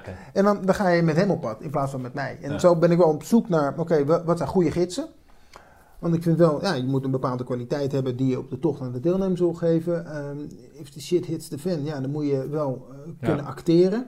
Hoe dat doet, sorry, maar hoe doe je dat trouwens met verzekering dan? Of ligt dat persoonlijk bij iedereen? eh, iedereen heeft zijn eigen reisverzekering. Ik heb wel een aansprakelijkheidsverzekering voor Ja. iedereen. Dat stel je voor dat toch iemand zijn vingers bevriest en mij aansprakelijk stelt daarvoor. Oké, dat kan. Dan eh, heb ik een aansprakelijkheidsverzekering. Ja, Dus dat soort dingen zijn wel eh, verzekerd. Eh, en dan heb je natuurlijk excessen zoals nu met corona. Want ja, ik weet niet of ik dit jaar Ja. kan gaan. Hoe, de, ja, het- het- het- Ja. de- hoe, hoe staat het hiermee dan? Of Met dat, want ik zag gisteren bijvoorbeeld op Facebook. Nou, het- jij geeft aan waarom je op Facebook zit en hoe je erop bent Ja. gekomen. En dat, je, dat, dat jouw eh, werk is geweest. Dus dat, dat, dat breng jij eh, eh, in praktijk. Ik zag gisteren dat je jarig was, maar Ja. daarnaast dat je ook nog wat alternatieven dus in de markt gooit. Gisteren Ja. was er iets met banden slepen of zo, weet ik ja, wat. klopt. Ik wil mezelf ook Pas een en beetje in shape houden. Dus ik heb eh, als banden aan het slepen. Dus in de voortuin. En ik plaats natuurlijk commercieel ook gewoon boodschappen online. En eh, ik heb dat trouwens uitbesteed aan iemand die dat voor mij doet. Want Ja. ik weet dat wel heel goed wat je kan schrijven en hoe je het kan schrijven. Alleen eh, het fysieke schrijven, dat vind ik saai worden. Eh, hij kan dat heel goed. We hebben wekelijks overleg. Hij is, hij is, hij is gewoon mijn uitvoerende handjes. Dus dat, is, dat gaat goed. Ik hoor regelmatig dat mensen zeggen: Hé hey, Jan, toffe berichten. Ik zeg: Ja, zijn niet van mij. Oh, zijn we helemaal verbaasd. En dat is goed. Dan lijkt het. Dan ben ik het gewoon. Ehm, maar de status op dit moment is dat ehm, Noorwegen. En dit moment is 14 december, dag na mijn verjaardag. Eh, Noorwegen. Daar kun je vanuit Nederland naartoe. Mits je kunt aantonen dat je afgelopen zes maanden corona hebt gehad. Als je dat kunt aantonen, kun je gewoon reizen. Anders moet je een eh, negatieve eh, CPR-test hebben, dus een coronatest hebben. Vervolgens word je door de politie, als je die negatieve CPR-test hebt, voor 10 dagen in een quarantainehotel geplaatst. In Zweden. In Noorwegen. Of in Noorwegen. In Noorwegen. Ehm, betaal je, ik geloof, 50 euro per dag voor. En dan krijg je drie maaltijden en een dak boven je kop. En na die 10 dagen, als je geen coronatekenen hebt vertoond, dan ben je vrij om te gaan staan waar je wilt. Voor mijn reisorganisatie betekent dat mijn tochten naar Noorwegen niet door kunnen gaan. Nee. Ik kan niet van mijn klanten verwachten Nee. 10 dagen extra vakantie nemen om 9 Nou ja, dagen. stel dat er één zou doen, dan zou het ook niet lonend zijn voor jou natuurlijk. Nee, eh, schiet niet op. Dus ehm, als dit nog steeds zo door blijft gaan, dan heb ik in maart en april geen tochten naar eh, Noorwegen. En dat zal jammer zijn. Eh, om meerdere redenen. Enerzijds natuurlijk voor mij financieel, maar ik heb één jongen, oud dienstmaatje van me. Die gaat nu een van mijn tochten doen in Noorwegen. Dat is de Heroes of Telemark tocht, waarbij wij een route afleggen van oud-commando's uit de Tweede Wereldoorlog. Oh, waar die film van was. Ja, Had ik dat nou voor jou? Ja, ja dat vertelde jij, ja. dat zou goed kunnen. Ja. Nee, nee, dat heb ik van, eh, dat heb ik van eh, Steven. Die vertelde dat. Nee, van Willigenburg. Ja, Ste- ja, Steven Willenberg, ja. ja. Oh, dat, dat was het. Ja, die heeft hij toch vor- vorig jaar gelopen. En we lopen exact de route naar die die oud-commando, of die commando's in de Tweede Wereldoorlog hebben, na, we hebben gelopen. We gaan ook eh, langs de hutten die zij hebben aangedaan. Mm. En eh, we, we eindigen in de zwaarwaterfabriek in Veemork, waar de sabotageactie heeft plaatsgevonden. Daar krijgen we dan een privé-rondleiding door. Nou ja, oké. Maar Ed Bollebakker, die heeft vorig jaar heeft die, eh, acute leukemie gehad. Die is ervan hersteld. En die gaat nu in april met mij en ze- zes van zijn beste vrienden gaat hij die tocht lopen. Nou, Dat is een oude dienstmaat voor jou. ja, ja die is in de ECO is hij uitgevallen. Die is, naar, is hij naar de mariniers toe gegaan. Die is eh, jarenlang eh, beroeps geweest. En ehm, Oh, mooi verhaal. ja, dus die is nu keihard aan het trainen om in april weer up to shape te zijn. Want die is, terwijl een jaar daarvoor lag hij nog in het ziekenhuis. Hij heeft er een sponsorloop van gemaakt voor het eh, Prinses Maxima Fonds hier in, Ja. in Utrecht. De teller staat nu op 20.000 euro. Oké, lekker. Dus als we die toch kunnen doen, Ja, dan kan ik fantastisch. 20.000 euro voor hem binnenharken. Ja. Ja, dat is te gek. Ja. Hij gaat nu naar de 30. Maar dat is echt, ja. eh, Ja. En dat, dat vind ik gaaf, dat mensen dat soort eh, initiatieven oppakken. Dus ik, ja, ik ondersteun hem daar van harte in. Dus dat is eh, eigenlijk de, misschien wel de voornaamste reden waarom ik wil dat Noorwegen open gaat. Ja. Alleen over hem. Maar stel dat het nou uit de klauwen loopt, in de zin van ja, ik wil je ner- nergens naartoe praten. Ja, hoor. ja, dat kan ik niet. En dan moet ik. eh, Nee, snap ik. ja, maar hoe, hoe, hoe, zie jij je ondernemingskansen dan met, dat, met die alternatieven die jij dan eh verzint? Ik, volgens mij doe je ook een paar kaart kompas lopen ik en dat doe, soort eh, zaken. Ja, kaart- en kompasworkshops. Maar ja, dat is ook een beetje speelde prikjes. Het is eh, 60 euro per persoon. En dan gaan er acht personen mee. Dus ja, dan pak je ongeveer... eh, Dan ga je zes, nee, zes deelnemers mee. Dan pak je 360 euro per dag. Ja, dan kan de schoolsteen niet helemaal lang van roken. Dus ik ben nu eh, klusjesman geworden. In de Ja. periodes dat ik gewoon ja, niks te doen heb. Als de tochten wel doorgaan, ja, dan kan ik dat klusjesmanbedrijf wel weer eh, stopzetten. Want dan kan ik weer gewoon mijn tochten draaien. En in Zweden is het zo, je kunt naar Zweden toe. Je mag daar met eh, acht man maximaal zitten. Alleen als je terugkomt naar Nederland moet je tien dagen in quarantaine. Ja, maar dat, ja, dat is niet te doen toch, joh. Nee, en dat is vreemd, want het gebied waar we naartoe gaan, dat is eh, de provincie Noordbotten. Dat is vier keer zo groot als Nederland en er wonen 250.000 ja, mensen. Ja. Maar ja, dat zijn cijfers en statistieken en dat is geen regelgeving. Hey, hoe, eh, hoe eh, zie jij dan eh, de, de, nou ja, je, je, je onderneemt wat, je gaat die klussen ding doen. Ja. Zonder nou weer moeilijke, of weer, maar in ieder geval zoals het nu de, het nieuws wordt gedomineerd door allerlei theorieën en eh, we moeten dit, we zouden dat moeten doen. Hoe zie jij de toekomst en waarin in die toekomst gaat die groene beret voor jou eh, van pas zijn? Van pas, je geeft al meerdere keren aan hè, hoe die van pas is gekomen, waar het vandaan Mhm. komt. Maar kan je mij daar een beeld van schetsen? Nou, ik ben, ja, het is niet zo dat ik elke dag denk, oh ja, dit doe ik vanwege de groene bret. Dat, dat niet. Ik denk wel dat ik een aanpakker ben. Dat ik niet zo eh, langdradig loop eh, na te denken over heel veel dingen. Maar denk van, ja, jeetje, nou, oké, we gaan gewoon, weet je wat, ik, ik ga klussen. En binnen de kortste tijd heb ik gewoon mijn agenda vol staan met heel veel klusjes. Dus de maand december heb ik ook zoiets van, ja, eh, ik klus even niet. Want het is wel genoeg geweest. Eh... Maar ik ben ook wel planningsmatig bezig. Ik zit wel te kijken naar 2022. Stel dat dit jaar gewoon kut en kloten wordt. Het gaat gewoon niet door. Ik verwacht dat in 2022 dat ik dubbele shifts moet gaan draaien. Dat er meer mensen zijn die Arctic Adventure kennen. Dat er meer mensen zijn die eh, een natuurervaring willen. Niet zozeer meer ja, in een all-inclusive, maar toch wat kleinschaliger naar buiten willen. En ik denk dat er meer mensen zijn die zeggen, ja, zo'n cruiseboot met 6000 man. Ik wil wel, ik wil wat anders. En om dan helemaal naar Azië toe te gaan, ik wil iets in Europa. Dus er zijn een aantal dingen waarvan ik denk van, nou, volgens mij zijn dat eh, mogelijkheden om voor Arctic Adventure te kiezen of voor een ander reisbureau, maar dat, dat zijn in ieder geval meer klanditie. En waar komt die groene beret dan eh, te kijken? Ja, toch soms ook wel een beetje door die zure appel heen bijten. Even doen wat, wat, wat moet, wat nodig is. Omdat die op lange termijn, ja, mijn, mijn groene beret nu op lange termijn is dat ik dubbele shifts ga draaien. Of dat ik over vijf jaar word overgenomen door een grote, eh, groot reisbureau. Die zegt van, joh, je hebt daar wat tofs neergezet. Wat kost die, wat, wat kost die toko? Ja. Nou, dat zou ik wel een eer vinden. Ik weet niet of ik het verkoop, maar ik zou het wel een eer Nee, vinden als het tuurlijk. een keer gevraagd wordt. Maar eh, heet dat, dat, dat Arctic, dat zou ook Ardennen kunnen worden als, als, het, als het Arctic niet meer zeg maar, Ja. binnen, binnen, binnen deze coronatijd eh, gaat passen. Ook qua, Ik vind hem nu nog eventjes moeilijk. Ik zit er wel over na te denken, maar dat zal er niet onder de vlag zijn van Arctic Adventure. Want ik vind Arctic Adventure, Ja, het moet of boven de Poolcirkel zijn Ja. of in de vrieskuil. Dus het kan wel in de Ardennen zijn, maar dan moet ik zeker weten dat het vriest. Of het moet in de zomer, maar dan wel boven de Poolcirkel. Nee, maar als je dat Arctic helemaal weglaat en het meer naar dat adventure, dat, dat trekt je Nou, niet of Nee, blijft die kou jou trekken? Nee, wat mij steeds meer met... Kijk, persoonlijk trekt de kou. Maar ik vind het heerlijk om gewoon een maand lang op Groenland eh, te zitten. Desnoods in mijn eentje in de tent. Ik, eh, ik hou het wel vol. Maar wat ik merk, wat ik mooi vind, is om deelnemers mee naar buiten te nemen. En ze daar een natuurervaring te geven. Dus het zou zomaar kunnen zijn dat ik een, eh, een hiking trail door het nieuwste natuurpark in Nederland ga organiseren. Ja. Dat kan. En dat we dan met, met 20 man door... ja, Biesbos, weet, dat alles, dat, dat Kan. het trekt je niet zo 1, 2, 3, maar het, het in dat groene beret ding, MacGyver, hè, ze noemen jou toch godverdomme Ja. MacGyver, daar ja, voldoende ondernemingsdrift. Ja, ja, ik denk dat ik ondernemersdrift heb daarin. Dus Ja. ik zit wel te kijken van, hé, hey, wat, voor, wat voor trails zou je kunnen lopen? En ik, ja, ik hoorde laatst iemand die zei van, ja, er, er wordt heel veel trailrunning gedaan. Nou, er is ook een partij die eh, stuurt mensen naar Zweden toe. Een heel, heel vliegtuig vol met mensen naar Zweden om daar eh, vier dagen te gaan trailrunnen. Dat doen ze steeds vanuit het hotel. Dan lopen ze het ene rondje, het andere rondje. Dan lopen ze vier Ja. verschillende rondjes. Ja, dat is ook omzet. Ja. En wat ik het tof vind, ik vind de, de omzet vind ik tof, maar ik vind waarmee je het doet misschien nog wel toffer.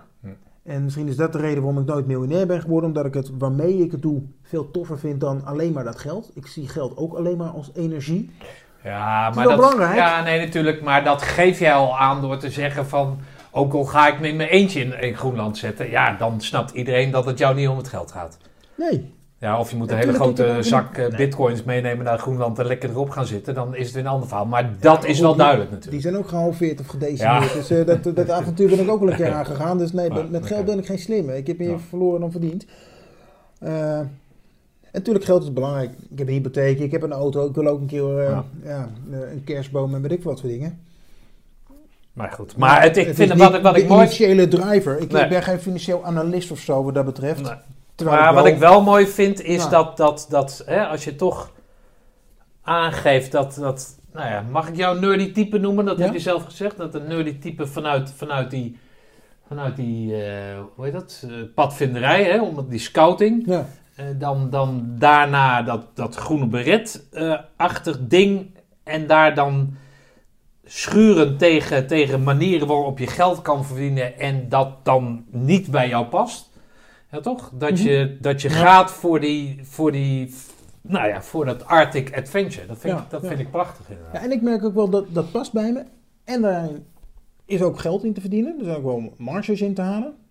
En op de manier zoals ik het doe, ben ik de enige in Nederland die het doet. Want je kunt wel met mensen mee gaan winterkamperen, maar dan zit je s'avonds in een hut. Ja. Dat kan.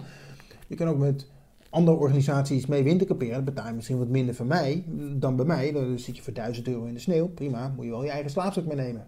Ja, die kost 800 euro. Ja.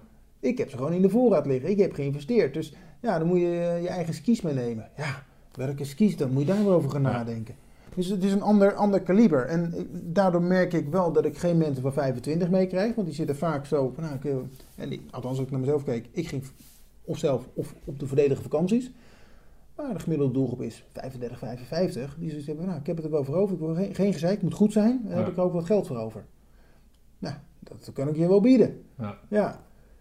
Met enthousiasme. ook in de sneeuw. Ja. Nou, mooi verhaal, eh Henk-Jan. Ja. Ja, echt super. Had ik niet verwacht. nee. Ik heb je, je site gekeken. Ik had, eh, nou, de, de eerder genoemde Steven had ik gebeld. Maar ik had niet verwacht dat er zo'n, eh, moet ook haast wel, maar nou, ik was benieuwd, maar dat er zo'n drive achter zit. En dat je inderdaad, dat het niet geldgedreven is. En je denkt dat je daar een goede balans in eh, weet te vinden, of vindt. Of Ja, in ieder geval dat als, eh, als missie hebt. En nou, ik wil je danken voor, voor dit interview. Ik hoop dat, dat jij er wat aan gehad hebt. Graag gedaan. En nou, we, gaan, we gaan de wereld inslingen en zoveel mogelijk mensen Arctic Adventurers eh, ja, maken. Ja, laat ze maar meegaan. Ja, Oké, dankjewel. graag gedaan. Nou, dat was hem dan weer. Als koukleum moet ik na het verhaal van Henk-Jan er nog steeds niet aan denken. Maar desondanks een magnifiek iets. Henk-Jan, dank voor je verhaal, succes en de ballen. Hou ze warm en laat ze niet vallen.